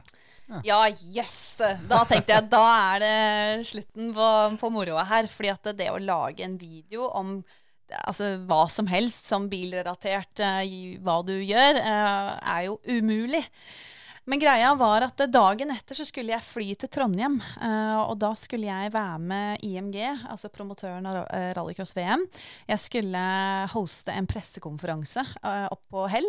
Ja. eh, som egentlig handla om at jeg hadde flydd alle VM-bilene fra Canada til eh, Trøndelag i en jumbojet. Av alle ting! Altså en sånn helt sprø dag på jobben. Ja. Eh, Eh, Det her må jeg si høres ut som en bra timing. Ja, altså. Helt utrolig. Så jeg flyr jo opp til Trondheim, uh, gjør den pressekonferansen. Og så er jo Petter Solberg der. Sånn at jeg, jeg tror videoen begynner med et sånn halvveis intervju med han i lobbyen på hotellet. Uh, med håndholdt GoPro, som jeg bare var, det, altså, det var så dårlig filma alt sammen. Og så var det inne på en buss sammen med Altså ordføreren i Stjørdal. Altså, og så sitter jo da han og Petter bak i bussen. Det var jo som en sånn skolebusstur. Og vi bare fjasa, og du vet, det var engelsk og ja, morsomt. Um, og så kom vi da til flyplassen. Uh, hva heter flyplassen der oppe igjen? Værnes. Værnes. Uh, og der de setter fyr på fly for å trene på brann osv. Der kjørte jo da Petter eh, ordentlig gris med den der Citroënen sin. Rundt og rundt, og så tente de på flyet. Altså, du kan tenke deg actionbildene jeg hadde på den lille GoPro-en min. Altså, Full fyr på flyet, og Petter rundt og rundt og børna og børna. Eh, og så var det jo på tide at jumbojeten kom, da. Og du kan tenke deg liksom Værnes flyplass mellom fjell, og så kommer det sånn toetasjes jumbojet mellom fjellene der. Og så får jeg vite Du, eh, vi stikker opp i helikopter og ser. Jeg bare Jeg kødder du, eller? Jeg trenger mer batteri til GoPro. så da var det opp i helikopter eh, for å så filme den turen der. Og jumbojet sånn Vi var jo veldig nærme flyet òg, ikke sant. Mhm. Og den lander, og den er full av rallycrossbiler og ja. Så dette blei jo en eh, Det blei jo en helt hockey-episode, nesten. Det her. Å, det var gøy. Så Anders hjalp meg å redigere den, eh, og sendte jo da den inn.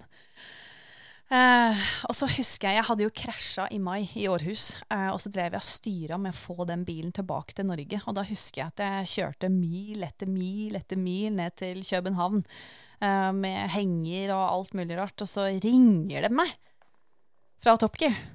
Altså en av produsentene der. Eh, og de visste mer om meg enn jeg vet selv. Altså, hva er det slags folk som jobber der? Det er jo noe ordentlig spioner. Um, så de, de hadde jo funnet ut eh, det meste. Eh, og så skulle vi snakkes om litt, da. Og da eh, var jeg hjemme eh, og fikk egentlig bare beskjed om at eh, de ville ha meg på en audition I England. i England, på Dunsfold Aerodrome. Altså Top Gear, både settet og banen. Mm. Åssen var det å være der, da? Ja, det er eh, Altså, øh, altså det, hele den dagen Um, Det overgår all uh, nervøsitet jeg noen gang har hatt. Egentlig all nervøsitet sammen uh, går rett inn i den dagen der. Uh, da husker jeg at jeg måtte si at jeg skulle til TG i porten. Altså, først så måtte jeg si Uh, på en måte holde det superhemmelig for taxisjåføren som kjørte meg dit. Og så når jeg kom i porten, så bare uh, TG. Eh, Altså, ja. Det, var, det var sånn uh, super secret opplegg. Og så måtte jeg vente i en kafé til det var min tur. Og de kaller det for en screen test. Altså bare det, de ordene der får deg til å skjelve i beina. ikke sant? Men det som er litt sjukt, var at før jeg dro dit, så fikk jeg to manus fra Top Gear. Altså to A4-sider med altså, innebygde jokes og hele pakka. Altså, du må ikke tro at de gutta har egen humor. Alt er skrevet. Eh, og jeg skulle da uh, Først så skulle jeg stå inn i hangaren uh, ved siden av en Golf GTI, en 9. Og da skulle jeg gå rundt den og prate om den, og litt sånn som de gjør i serien. Og så skulle jeg ut på banen. Og det var med en Mercedes AMG C63. Og jeg hadde jo manus til den også, uh, og det var jo helt uh, Det var helt unaturlige ting. Altså Det var sånn jeg skulle si at uh, ja, dette er en type bil som en eldre mann som samler på nazi-memorabilia kjører. Altså det var sånn der, eh, altså, ja, Det var på det nivået der, liksom. Ja, ja, så, så det var sånn Ja, jeg føler meg kjempekomfortabel med de jokesene her, men man skal jo da si ordrett. Men eh, nei, helt surrealistisk hele dagen. Susie Wolff landa jo med privatfly eh, på, eh, på flyplassen der. Kom jo rett fra et Formel 1-løp. Hun var jo også på screen test for den jobben. Ja. Jeg fikk vite at det var over 6000 søkere, og, og vi var en håndfull som fikk komme på audition. Men når jeg kom dit, så var det jo rett inn i sånn brakkeopplegg. Og jeg husker det aller første som møter meg når jeg går inn i den første brakka. Det var en fyr som ligger sånn henslengt på en sofa. Og jeg bare Hva er dette for noe? Hvem- er han? Eh, og det viser seg han er en av de mest kjente journalistene for Top Gear Magazine. Ja. Han var jo der for å skrive. Eh, men han eh, tok seg jo da godt til rette. Og så var det sånn på, det, var, det var fra det, og så var det inn i hangaren med golfen, som gikk kjempedårlig. Altså, jeg hadde øvd og øvd og øvd og øvd. Jeg hadde tegna på et A4-ark hjemme, så hadde jeg tegna en linse. Og så satt det på kjøleskapet mitt. Og så hadde jeg stått og prata til kjøleskapet mitt eh, egentlig i 24 timer. I, altså, det, det var helt sjukt hvor mye jeg øvde. Når jeg kom inn i hangaren der, så forsvant alt. Altså, jeg måtte ta frem den lappen hele tida, og jeg huska ingen verdens ting. Det gikk så dårlig. Og så var det ut i bilen. eh, og da bilen kom eh, fra Mercedes, og de hadde jo med seg en varebil full av hjul. Jeg tenkte bare ja, jøss. Og de bare Du eh, kjører ut på banen og har det gøy. Den bilen var så lett å sladde med.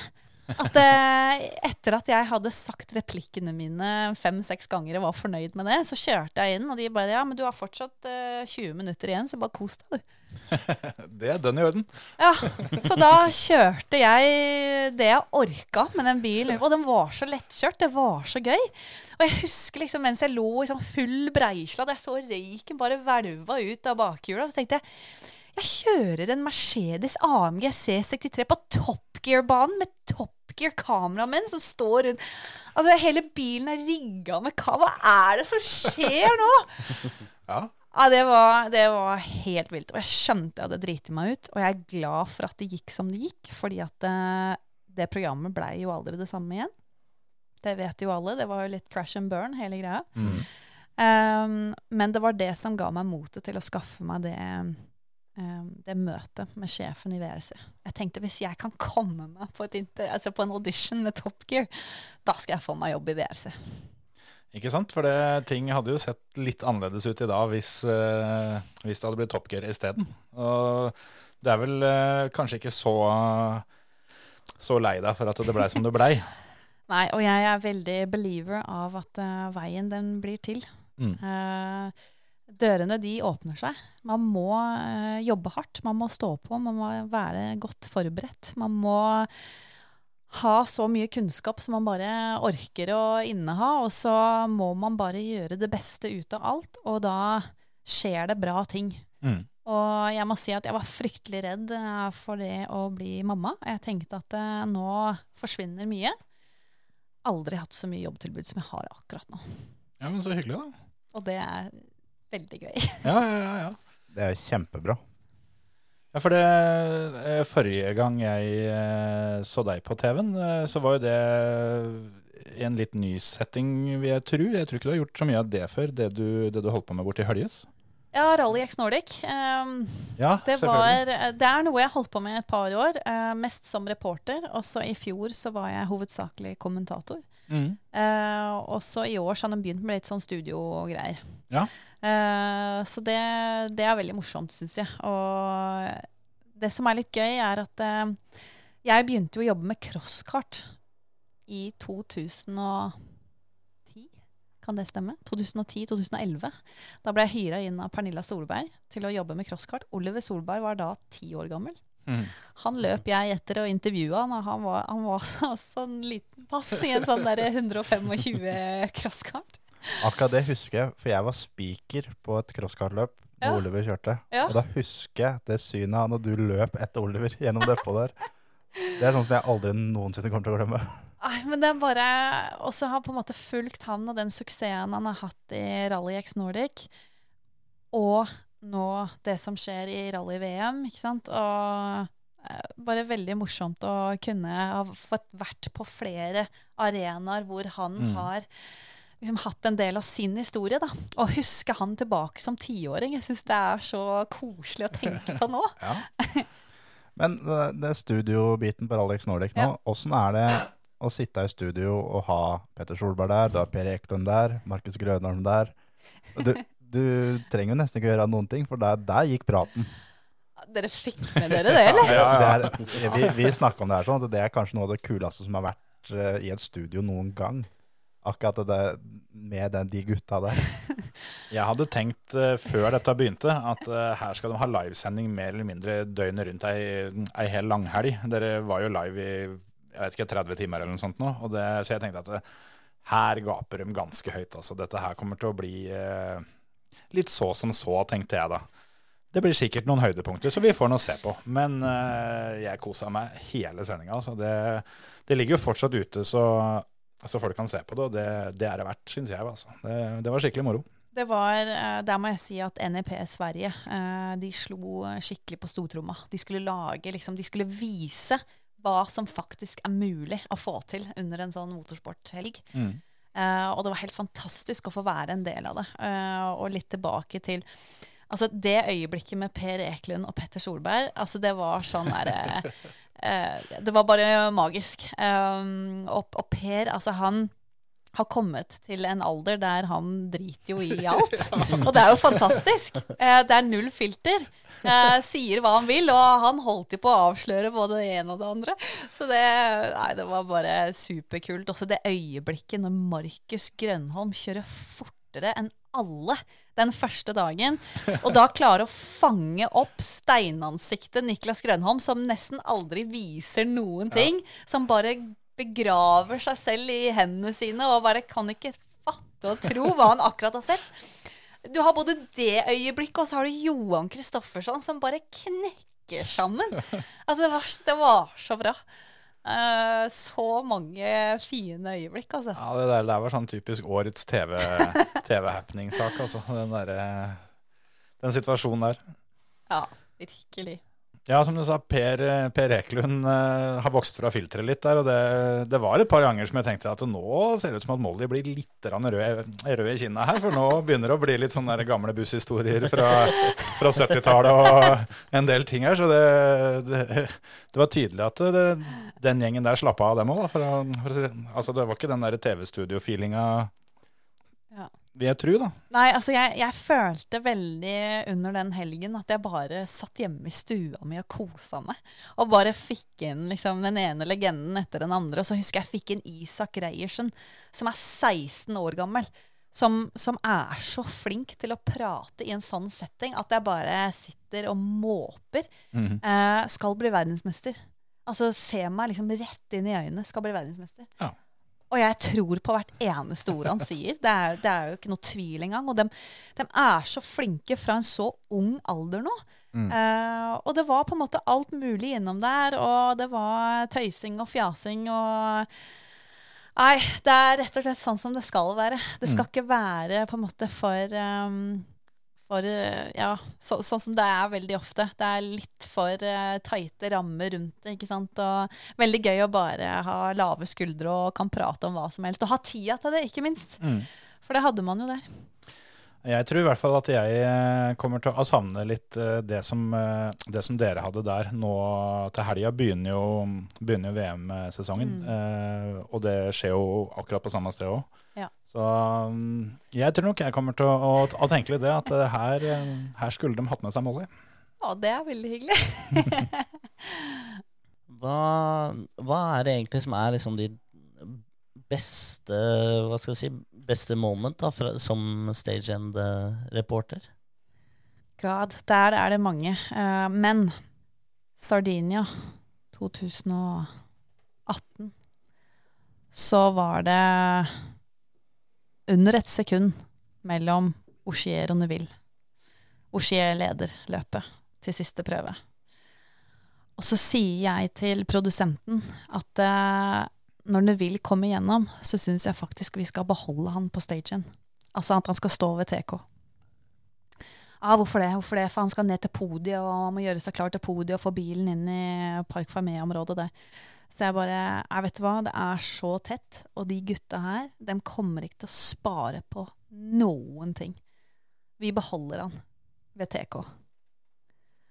Og Osier kommer gjennom, og det er kaos et øyeblikk, for det er så mange fans, belgiske fans blant annet.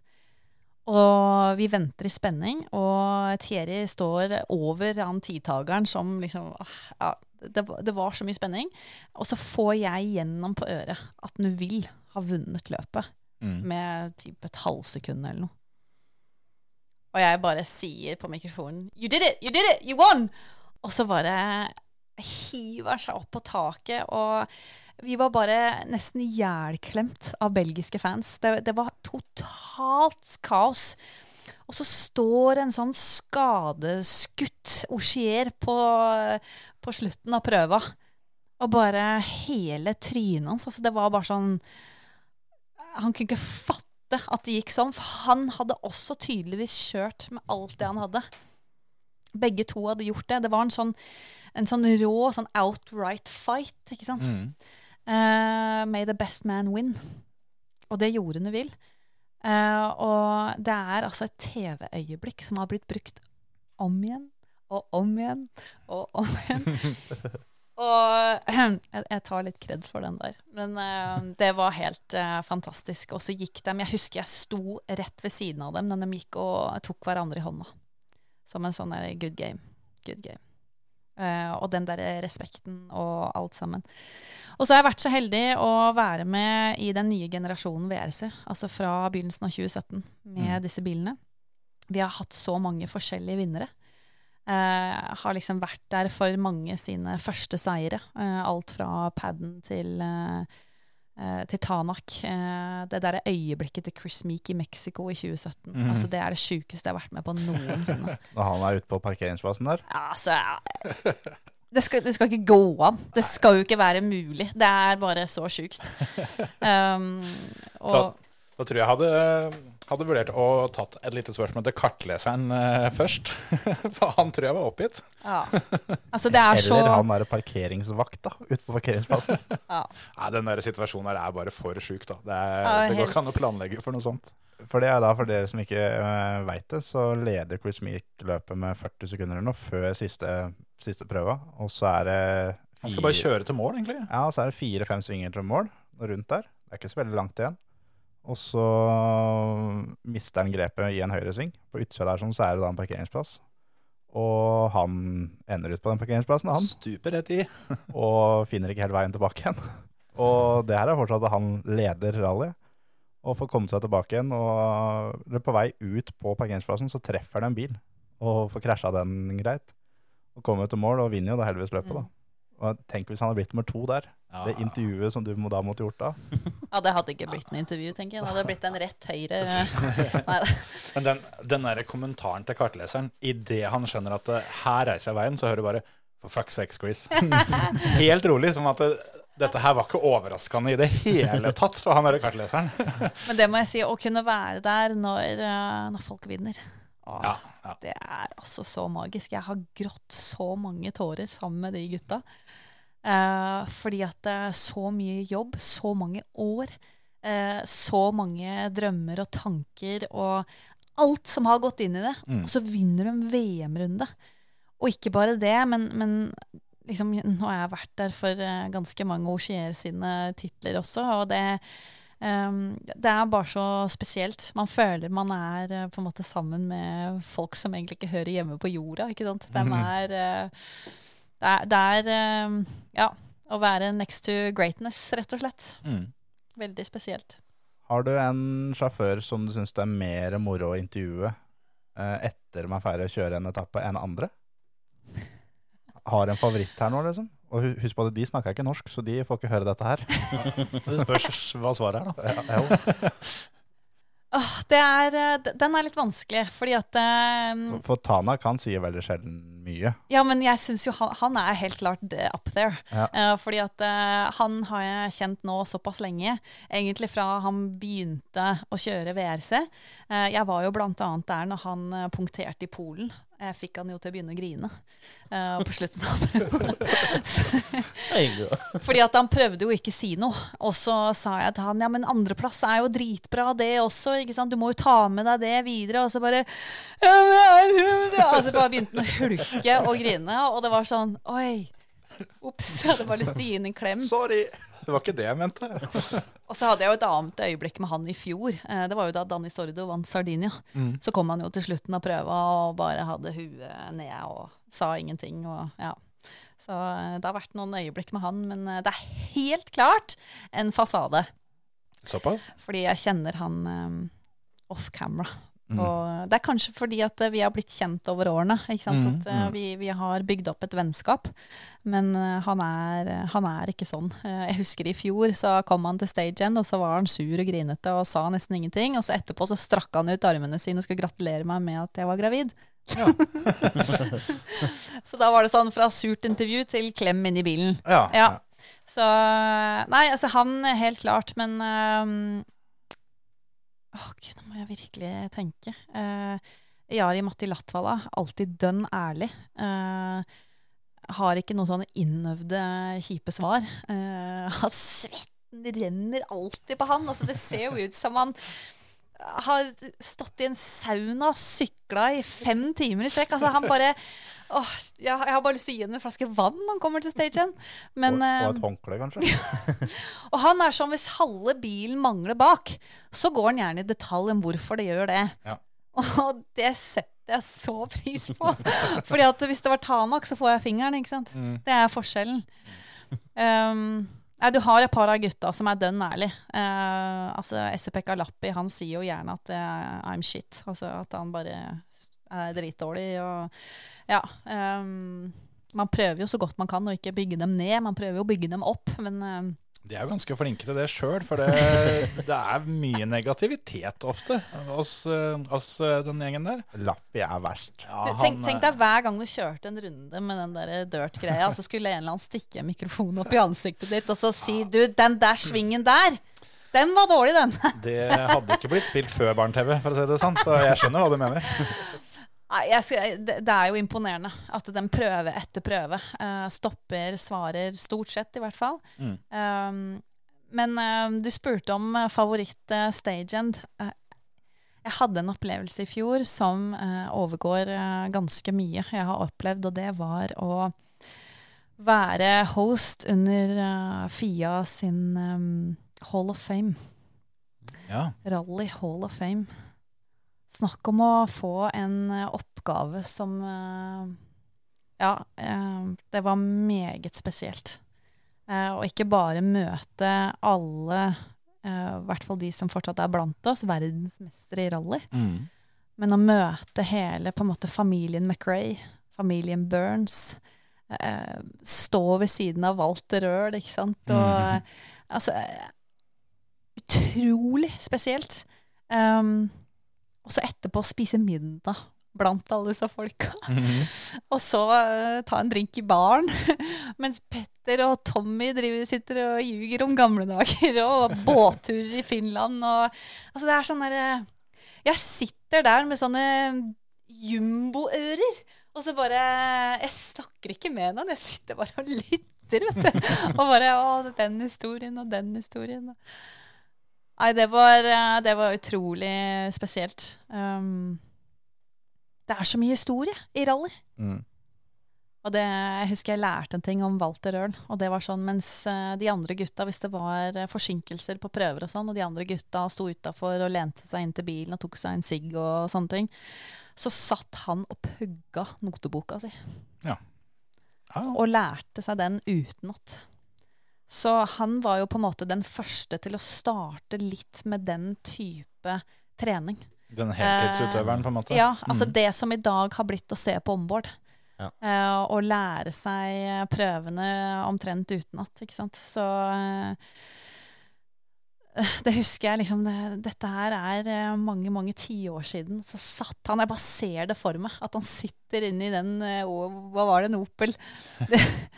og, eh, og pugger eh, noteboka.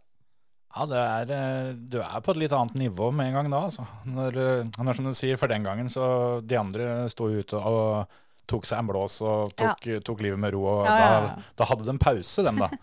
Så det, ja. Åssen er det egentlig når, når de ikke vil svare etter, og bare, eller bare kjøre forbi? Altså, jeg er jo der for å få frem de følelsene også. Så eh, jeg tenker ikke at det er noe som eh, nødvendigvis går utover meg. Jeg tenker at uh, her skapte vi et øyeblikk. Mm. Her skapte vi et øyeblikk i den personens uh, personlighet. Uh, nå sitter det folk hjemme og, og kanskje flirer litt og syns det var gøy, og det blir en del av den føreren, ikke sant.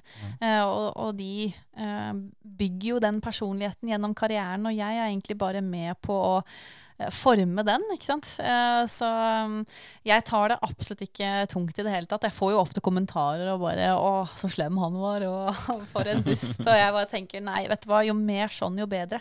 Mm. Fordi at det, Det er så sjukt mye bedre med det kontra de der standardsvara. Ja. For det er noen ganger som du vet at. Ogier han kommer til å svare det, Ja. og Neville kommer til å svare det. Ja. Da er det så mye bedre med de som da faktisk kommer med noe sånt, da. Som du spør spørsmål, og så er det bare stille. Ja. Du skjønner du klarer å lese på hele sjåføren, at, eh, og nå med All Live, da, Mm. så veit vi jo hvorfor han er stille. Mm. Det er det som All Live har jo revolusjonert eh, rally. Ja. Det er så fett, det. Ja. Og det har vært utrolig kult å være med på det helt fra begynnelsen av. Og jeg tenkte bare, når jeg fikk høre om de planene, jeg bare Mm. Er du sinnssyk? Jeg tror faktisk eh, Jeg vil strekke det så langt som å si at det Jeg tror det er verdens beste direktesendte sportsprogram. Det tror jeg ikke Jeg kan ikke tenke meg noe annet som eh, er på det der nivået der, med tanke på hvor mange kameraer og hvor mye informasjon og alt sammen. Og måten dere klarer å formidle det på. Det, Og, det slår alt, tror jeg. Altså. og ikke minst de avstandene som det er mellom ting. Og langt oppe i fjella, liksom. Og der er det, det er fortsatt live innenfra bilen og Ja, for det tenkte jeg litt på. At, uh, jeg har jo hørt noen historier om at når du er ferdig på si, SS4, så, så går det for seg. For da skal du snart eh, egentlig da på SS7 eller et eller annet sånt noe. Ja, altså hvis, hvis vi er to-tre reportere, så går det ganske greit. Da er det litt sånn annenhver, eller eh, man har to prøver på å komme seg til sin neste prøve. Så eh, ofte så går det, går det ganske greit. Men eh, det kan bli litt armer og bein også for å rekke frem. Og i hvert fall hvis det er mye trafikk og Ja, så jeg har vært med på litt av hvert og hatt eh, politieskorte og Eh, veldig ofte så kjører jo rallybilene ut i eh, motgående felt sant, for å komme seg forbi trafikk. Og da kaster jo gjerne vi oss bak en rallybil. Altså, det, er, eh, det er litt Texas innimellom, jeg skal innrømme det. Og har blitt henta i helikopter og flydd videre. Og ja, det er, det er et eventyr fra ende til annen. Jeg husker det da jeg var da på rallyradioen på en NM-runde. Da var jeg på, skulle være på tre etapper.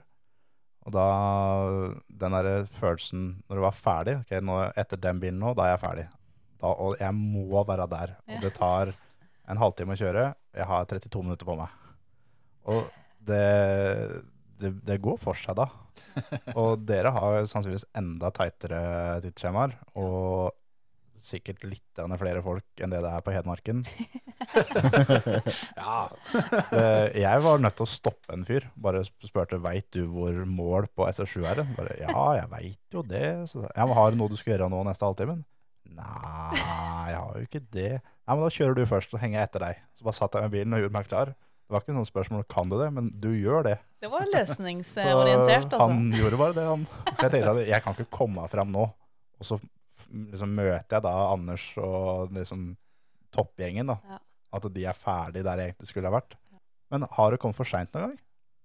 Nei, men jeg har kommet helt sånn rett før.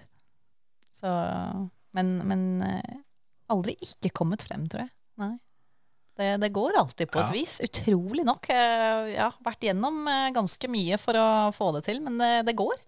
Hvor mye utstyr er det, du, er det du har med deg rundt der? Det er jo deg og en kameramann, i hvert fall. Men eh, er det, er det enda, enda større team enn det? Altså hvis jeg, um, hvis jeg er ute på en all life-prøve Vi skiller jo på all life-prøver og TV-prøver. Eh, hvis jeg er på en all life-prøve, så har man uh, med seg et lite aggregat eh, med en sånn satellittsender. og alt det er kobla opp til kamera. Og så blir jo det sendt Om det er via Det er jo alltid et fly i lufta. Sånn eh, radio plane eller et eller annet. Jeg er ikke så god på alt det tekniske der.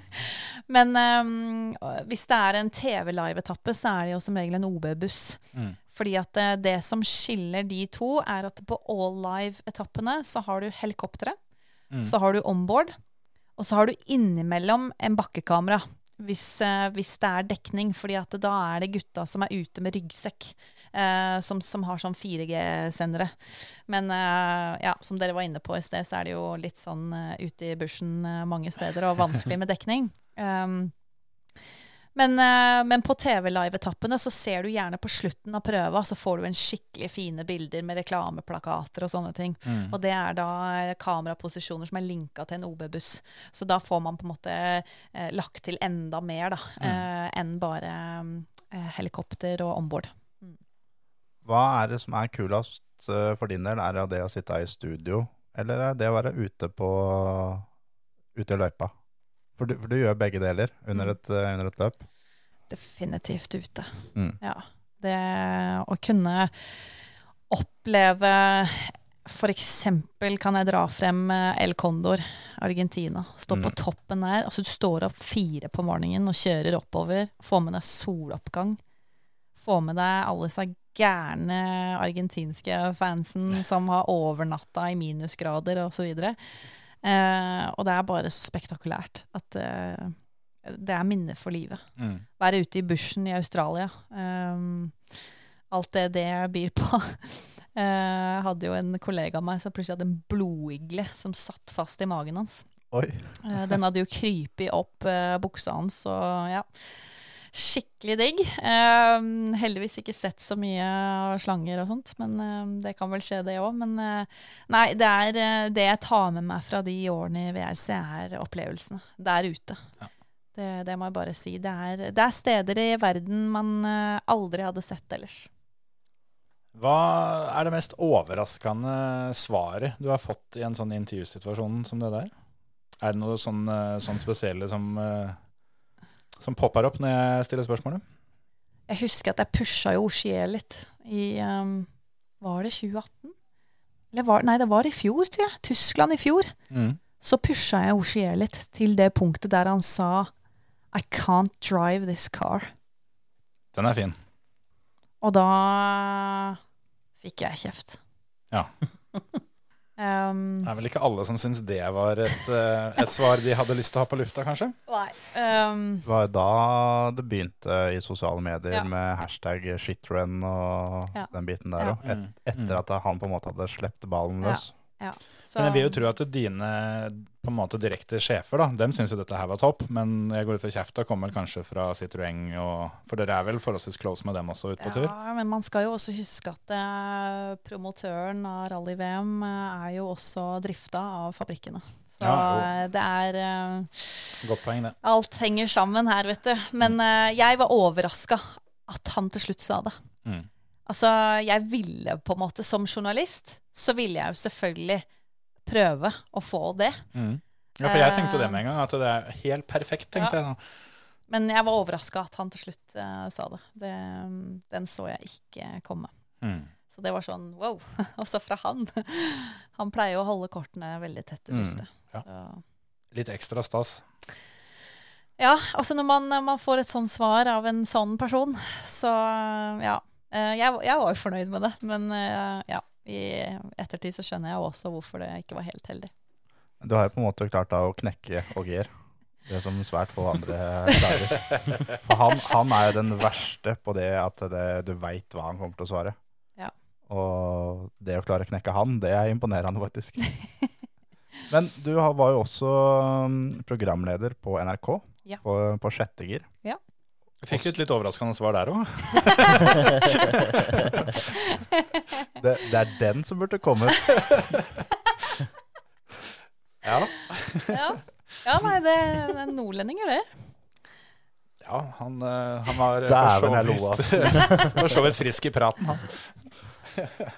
Nei, det var, eh, det, det var artig. Altså, sjette gir um, På mange måter så følte jeg at det handla jo litt om røttene mine. Mm. Jeg kom jo fra et, eh, et type rånemiljø i Stavanger, og jeg føler liksom at uh, min historie kan være litt sånn til hjelp for andre som drømmer om noe større enn å kjøre frem og tilbake til eh, bensinstasjonen eh, der du bor, på en måte.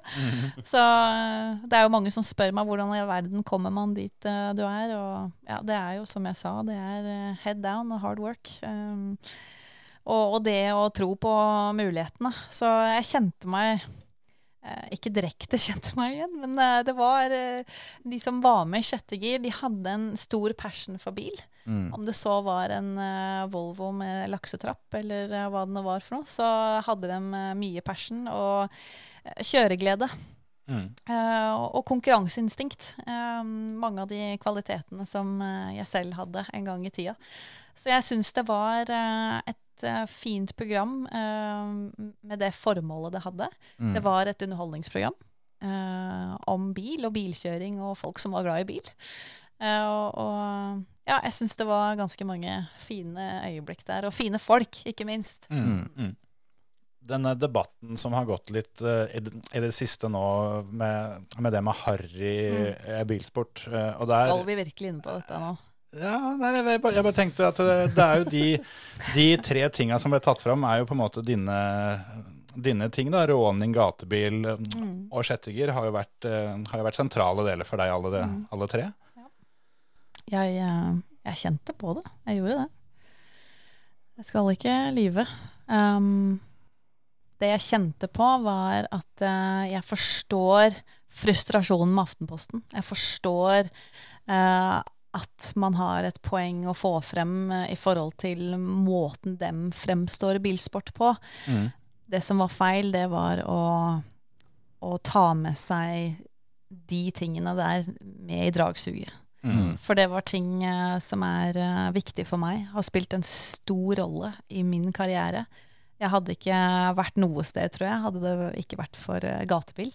At jeg fant et organisert miljø å, knytte meg til. Mm. Og det gjelder jo veldig mange flere enn deg òg. Absolutt. Det er jo hele grasrota, det. Um, eh, det å, jeg kom jo fra veien. Jeg kjørte jo ikke alltid lovlig. Men klarte å da finne en vei inn i sporten, eh, og det var gatebil. Og det eh, betydde veldig mye for meg. Så ja, eh, blei jo selvfølgelig skuffa og lei meg over det. Men eh, for å legge til så har Atle og jeg prata sammen. Og det er OK. Ja, det er godt å høre. Så bra. Men helt klart, jeg er også med på en måte eh, vi, vi må Altså kunnskapsnivået til folk flest om hva vi driver med, er jo lav. Eh, så vi, vi har alle en jobb eh, å gjøre der for å eh, vise frem på en måte hva sporten er. eh, og at det er langt fra det alle, eller veldig mange der ute, skal ha det til. Det Mm. er, eh, det er seriøst, og det er stort, og vi har mange gode norske sjåfører der ute. Ja, absolutt. Og, og det skjer jo virkelig ting nå med, med tanke på TV-tid og Ja. den biten der òg. Det, det har jo tatt seg opp voldsomt de siste åra, så vi får jo tro det er på rett vei. Ja, absolutt. Det, det blir jo bare mer og mer kjent, og den, den jobben de gjør også med den talentutviklingen, er jo, det er jo kjempespennende. Så, og, og jeg blir så imponert. Altså, jeg nevnte jo han Isak Reiersen i sted. Altså, Så unge de er, og så flinke de er. Eh, ikke bare til å kjøre bil, eller crosskart i hans tilfelle, eh, men, men det å, å bygge profil, eh, snakke med media, eh, det er jo halve jobben. Mm. Og det å kunne skaffe seg sponsorer. Du hører på Førermøtet, Norges beste motorsportpodkast. Er det noe som du skulle ønske du kunne gjort annerledes som med din egen karriere? Hvis, hvis du nå kunne gått tilbake igjen til å være da 25 år og begynt Mm. på nytt? Eh, for, for jeg skjønner den delen at du gjerne skulle begynt tidligere. Eh, Men da begynt når du er 25. Er no, er det én spes spesifikk ting som du angrer på? At eh, det her skulle jeg gjerne gjort annerledes? Altså, man lærer så mye mens man går også. Jeg hadde så lite erfaring når jeg begynte. Altså, det Mm. var sånn jeg, jeg husker den første løpsbilen min. Plutselig så kjørte jeg av banen en gang på Våler, og da var jo hele bakstillinga rusta. Altså, den, den bare knakk sammen som en cornflakes, altså. Det var sånn der, Så lite greie hadde jeg på ting. Eh, bilen var jo selvfølgelig nydelig lakkert på utsiden. Eh, den så jo flott ut, men eh, under alt sammen så var det jo ikke bra. Men eh, jeg på en måte måtte lære så mye the hard way. Um, den muligheten jeg fikk med Amcar, ikke sant. Det er jo Altså, den, den kom jo til en person med bare et par år eh, bak rattet, eller med lisens, da. Så jeg skulle på en måte ønske at jeg kanskje var litt mer moden for den rollen. Mm. Eh, jeg gikk jo fra en eh, 200 hesters eh, eh, norsk GT4-bil eh, eh, en 500 hesters monster, altså. Også med fører som John Nilsen og Jan Magnussen og sånn, ikke sant. Altså, pff, hallo. Det er, men jeg tenker bare Jeg fikk muligheten, jeg fikk oppleve det. Det er en del av historien. Um, det er som du sier. uh, skulle gjerne ha begynt tidligere, men uh, sånn, sånn gikk det liksom ikke. Men uh, det eneste jeg kan være fornøyd med, er den, den jeg er i dag, og hva jeg gjør, og de mulighetene som har åpna seg. Og ja, Mm. håpe at det fortsetter. Men faktisk den bilen jeg satt i sist, uh, den enhetsklassen i, i Danmark med disse små uh, midtjetbilene Fantastisk kul bil. Mm. Den skulle jeg gjerne ha sittet i lengre. Ja. Eller tidligere, eller hva som helst. For den er altså så kul. Uh, kjørte jo ned på altså, etter 26 runder på Rudskogen med den bilen. Um, Det er jo 300 hester bare, V6-er. Men den veier jo 900 kilo og har alt det rette. Altså, den er bare så riktig. Um, så det er en veldig morsom klasse. Altså, hvis, hvis noen hadde gitt meg en million kroner i dag og sagt kjøp deg en racerbil, så hadde jeg kjøpt en sånn. Ja, ja, da, da er det heftig. For den har gitt så mye kjøreglede. Ja. Mm. Uh, og så er den så rask, og så er den så enkel satt sammen. Det er jo bare noen klips, og så har du fjerna hele karosseriet på bilen. og så er det jo veldig enkel å jobbe på. Uh, og så en skikkelig solid Det er vel en sånn LMP3-motor som sitter i den. Tøff. Eh, superstabil V6-er. Altså har sånn Nissan 350 Z-motor. Mm. Um, så det bare går og går og går og går. Så kjempemorsom klasse. Men du, apropos eh, enhetsklasse, som du sa. eh, vi har jo en fast eh, spalte med ukas ord, hvor, eh, hvor vi prøver å forklare et ord eller uttrykk som, eh, som ikke det er sikkert at alle skjønner. Kan ikke du forklare enhetsklasse, hva det er for noe? Enhetsklasse er eh, Hvis vi snakker racing, eh, så er eh, alle bilene så å si identiske. De enhetsklassene jeg har kjørt, der har det vært karosseriet som har skilt dem. Um, og det vil da si at det utseendet er forskjellig, Mm. men alt under er likt. Alle har de samme demperne, den samme motoren osv. Ja, Mm. helt riktig. Og det vil jo da bety at uh, det er opp til fører og team. Mm. Uh, når det kommer til uh, strategi, og veldig ofte så er det jo da et uh, maks antall dekk du kan bruke i løpet av sesongen. Det gjelder liksom å være smart i forhold til veldig mange sånne ting. Men til syvende og sist så er det jo da sjåfør som må ut og bevise. Det er ikke redskapen som Mm. Og du slipper den der med at ja, han vant bare fordi han hadde den beste bilen. Så, Ja, det gjør jo egentlig det. Så jeg Ja. syns det er veldig spennende. Det gjør det hele mye vanskeligere, selvfølgelig, når man er 25 biler eh, til start. Mm. Um, og alle vil jo være først, så er jo ikke det mulig. Men uh, du får i hvert fall målt deg på en veldig fin måte Ja. mot andre. Mm. Uh, for å finne ut uh, på en måte hvordan du ligger an. Mm. Mm. Det blir jo litt sånn som vi har snakka om en del før, gutter, med at uh, i f.eks. Formel 1 da, så er det teamkompisen din som uh, er på en måte målepunktet, for han har, er den eneste som har lik bil. Mm.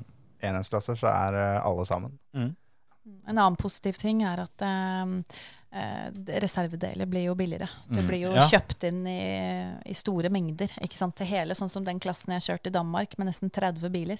Det er jo da 30 biler som skal ha reservedeler, og da fås jo det kjøpt eh, billigere når det er større kvanta. Og så er det på en måte bare én type girkasse. Det er ikke, det er Ja. ikke sånn at ok, hvis jeg bare legger i 40 000 til, så får jeg litt bedre girkasse. Ja. Så Det eneste man på en måte kan, eh, kan gjøre, er at eh, man, man bruker noen deler på test og andre deler Mm. på løp. Ikke sant? De som har et større budsjett, kan leke mer med sånne ting. Uh, men jeg eh, håper og tror at eh, forskjellen ikke blir sånn altfor stor. Hvor går eh, veien videre for din del nå? Det har så mye spennende på gang. Jeg skulle gjerne ha letta på sløret, men jeg kan ikke. Eh, men um, oh, jo da, det det har uh, åpna seg noen, eh, noen dører i det siste som, eh, som er utrolig spennende. Så vi får se, vi Hvis får vi- hva som skjer. Vi skal ikke si det til noen, vi. altså. Nei, Står ikke rekord der borte nå. Nei, nei, nei. Jeg kan, jeg kan ikke si så mye om det akkurat nå, men eh, ja, det er spennende ting i, i møte. Blir det mer VRC på det? Ja. Jeg skal til Estland om et par uker, eh, og så videre til eh, Tyrkia. Ja. Og så får vi se hva som skjer. Masse rykter om, eh, om fremtiden, altså i år i hvert fall. Og så vet jeg at de aller fleste bare håper at vi får en slags stabil kalender for neste år, og så jobber jo de aller fleste med 2022 mm, når det Ja. gjelder VRC. Det er hovedfokuset. Det virker som det har blitt gjengs jevnt over nå, at uh, nå er det bare å komme seg gjennom i år, og så er det en sesong som ingen egentlig tør å stole helt på i 2021, Nei. og så er det 2022, da, da er vi tilbake til sånn som det skal være. Ja, men eh, jeg håper virkelig at eh, ting blir noenlunde stabilt fremover. De er litt sånn er engstelige for hvordan det blir ute å reise igjen. Eh, verden har jo blitt et annerledes sted. Eh, men gleder meg veldig til å komme tilbake på jobben. For min del så blir det ikke så annerledes. Det blir ut på slutten av prøvene og gjøre det jeg er vant til. Eh, eneste forskjellen er kanskje med litt lengre mikrofon og maske og sånn. Men, eh, men eh, det er de samme ansiktene og ja. Det, jeg håper det blir samme stemningen. Og Estland er jo et fantastisk land. Uh, Rallyfansen her er jo helt gærne. Ja. Uh, hvis du noen gang har vært i Finland mens Oitanak har kjørt rallybil, så er jo da alle de en million et eller annet innbyggerne i Estland er jo i Finland. Da er det ingen hjemme. Nei, nei ingen hjemme. så Ja. det blir bra. Nei, det der, der, eh, jeg gleder meg så utrolig mye til det, det, til det kommer i gang igjen. Nå har vi hatt Formel 1 en stund, og så får vi rallycrossen til helga, og så er det da helga etter, er det ikke det? Eller er det enda to uker? Ja, det er eh, 4. og 5. september, er det vel. Ja. Men først så skal vi jo få altså, han, eh, mannen min gjennom et uh, asfaltløp her i Norge til helga. Det blir veldig spennende, det òg. Og det er meldt regn, så kan bli interessant. Jeg eh, skulle vært kartleser, har meldt avbud, så på værmeldinga. Dette gidder jeg ikke. Så Jeg vil ikke bli våt. nei da. Jeg, eh, jeg, Jeg, jeg som hadde gleda meg. Du lova når vi hadde Veronica Engan at dere skulle ha notesystem med frukt istedenfor ja, tall. det, du veit hva, det der, der var Det, det hadde jeg glemt. Jeg hadde gleda meg til, til banan venstre, ja, eple høyre. det, men, men det der Ja, for det, at eh, det er jo ikke Det er jo ikke arrangørnoter der nede, så det hadde jo passa helt perfekt. Men jeg hadde nemlig et lite lynkurs i går med han som skal være stand-in for meg, for han har aldri gjort dette før. Eh, og når ikke det er arrangørnoter og sånn der nede, så Men hadde jeg bare huska det, så skulle jeg jo lært den det. At ja, men, ja, men det er sånn. Det heter banan venstre. det hadde jo blitt kjempebra. Tenk så skuffa Veronica blir nå. Ja, det, ja der må jeg bare, bare beklage. Ja. Jeg skulle gjerne vært der nede. Det hadde vært veldig gøy. Og jeg har sett over startlista, og jeg tror det kommer til å bli et ordentlig kult løp. Så mm, kanskje neste gang for min del. Men uh, vi får jo håpe det går, eh, går bra for Anders. Og dere skal vel nedover hele familien, gå ut fra, eller? Nei, uh, vi kommer jo ikke inn på serviceparken Nei, eller noen ting, så uh, da har jeg valgt å bli hjemme med hun lille. det er Forhåpentligvis er det noe rallyradio. Vi får se. Ja, så er det vel noe livesending på VG òg, så kan du Ja. se hvordan, eh, ja, Om det er lov å kalle det konkurrenten, men Ja. ja, Nei, det er sant. kan du se åssen de gjør det. Det blir veldig spennende. Så da får folk følge med til helga. Så tror jeg vel egentlig dette får være bra for i dag. Nå får vi takke for at du tok turen. Dette her har vært eh, skikkelig trivelig, syns jeg. Og det tipper jeg de som hører på, syns òg. Og hvis ikke, så kan dere sende klagene til meg, så skal dere jaggu få. Hvis du har hørt så lenge og ikke syns det er bra Ja, da, da kan du drite i å klage òg, egentlig. Ja. Ja. Nei da, men eh, takk for besøket. Takk for at jeg fikk komme. og lykke til videre med hva nå enn det måtte være. Jeg ble skikkelig nysgjerrig på det så vi får se. Takk for det. Vi er tilbake neste uke. Ha det bra, folkens. Ha det. Ha det. Ha det.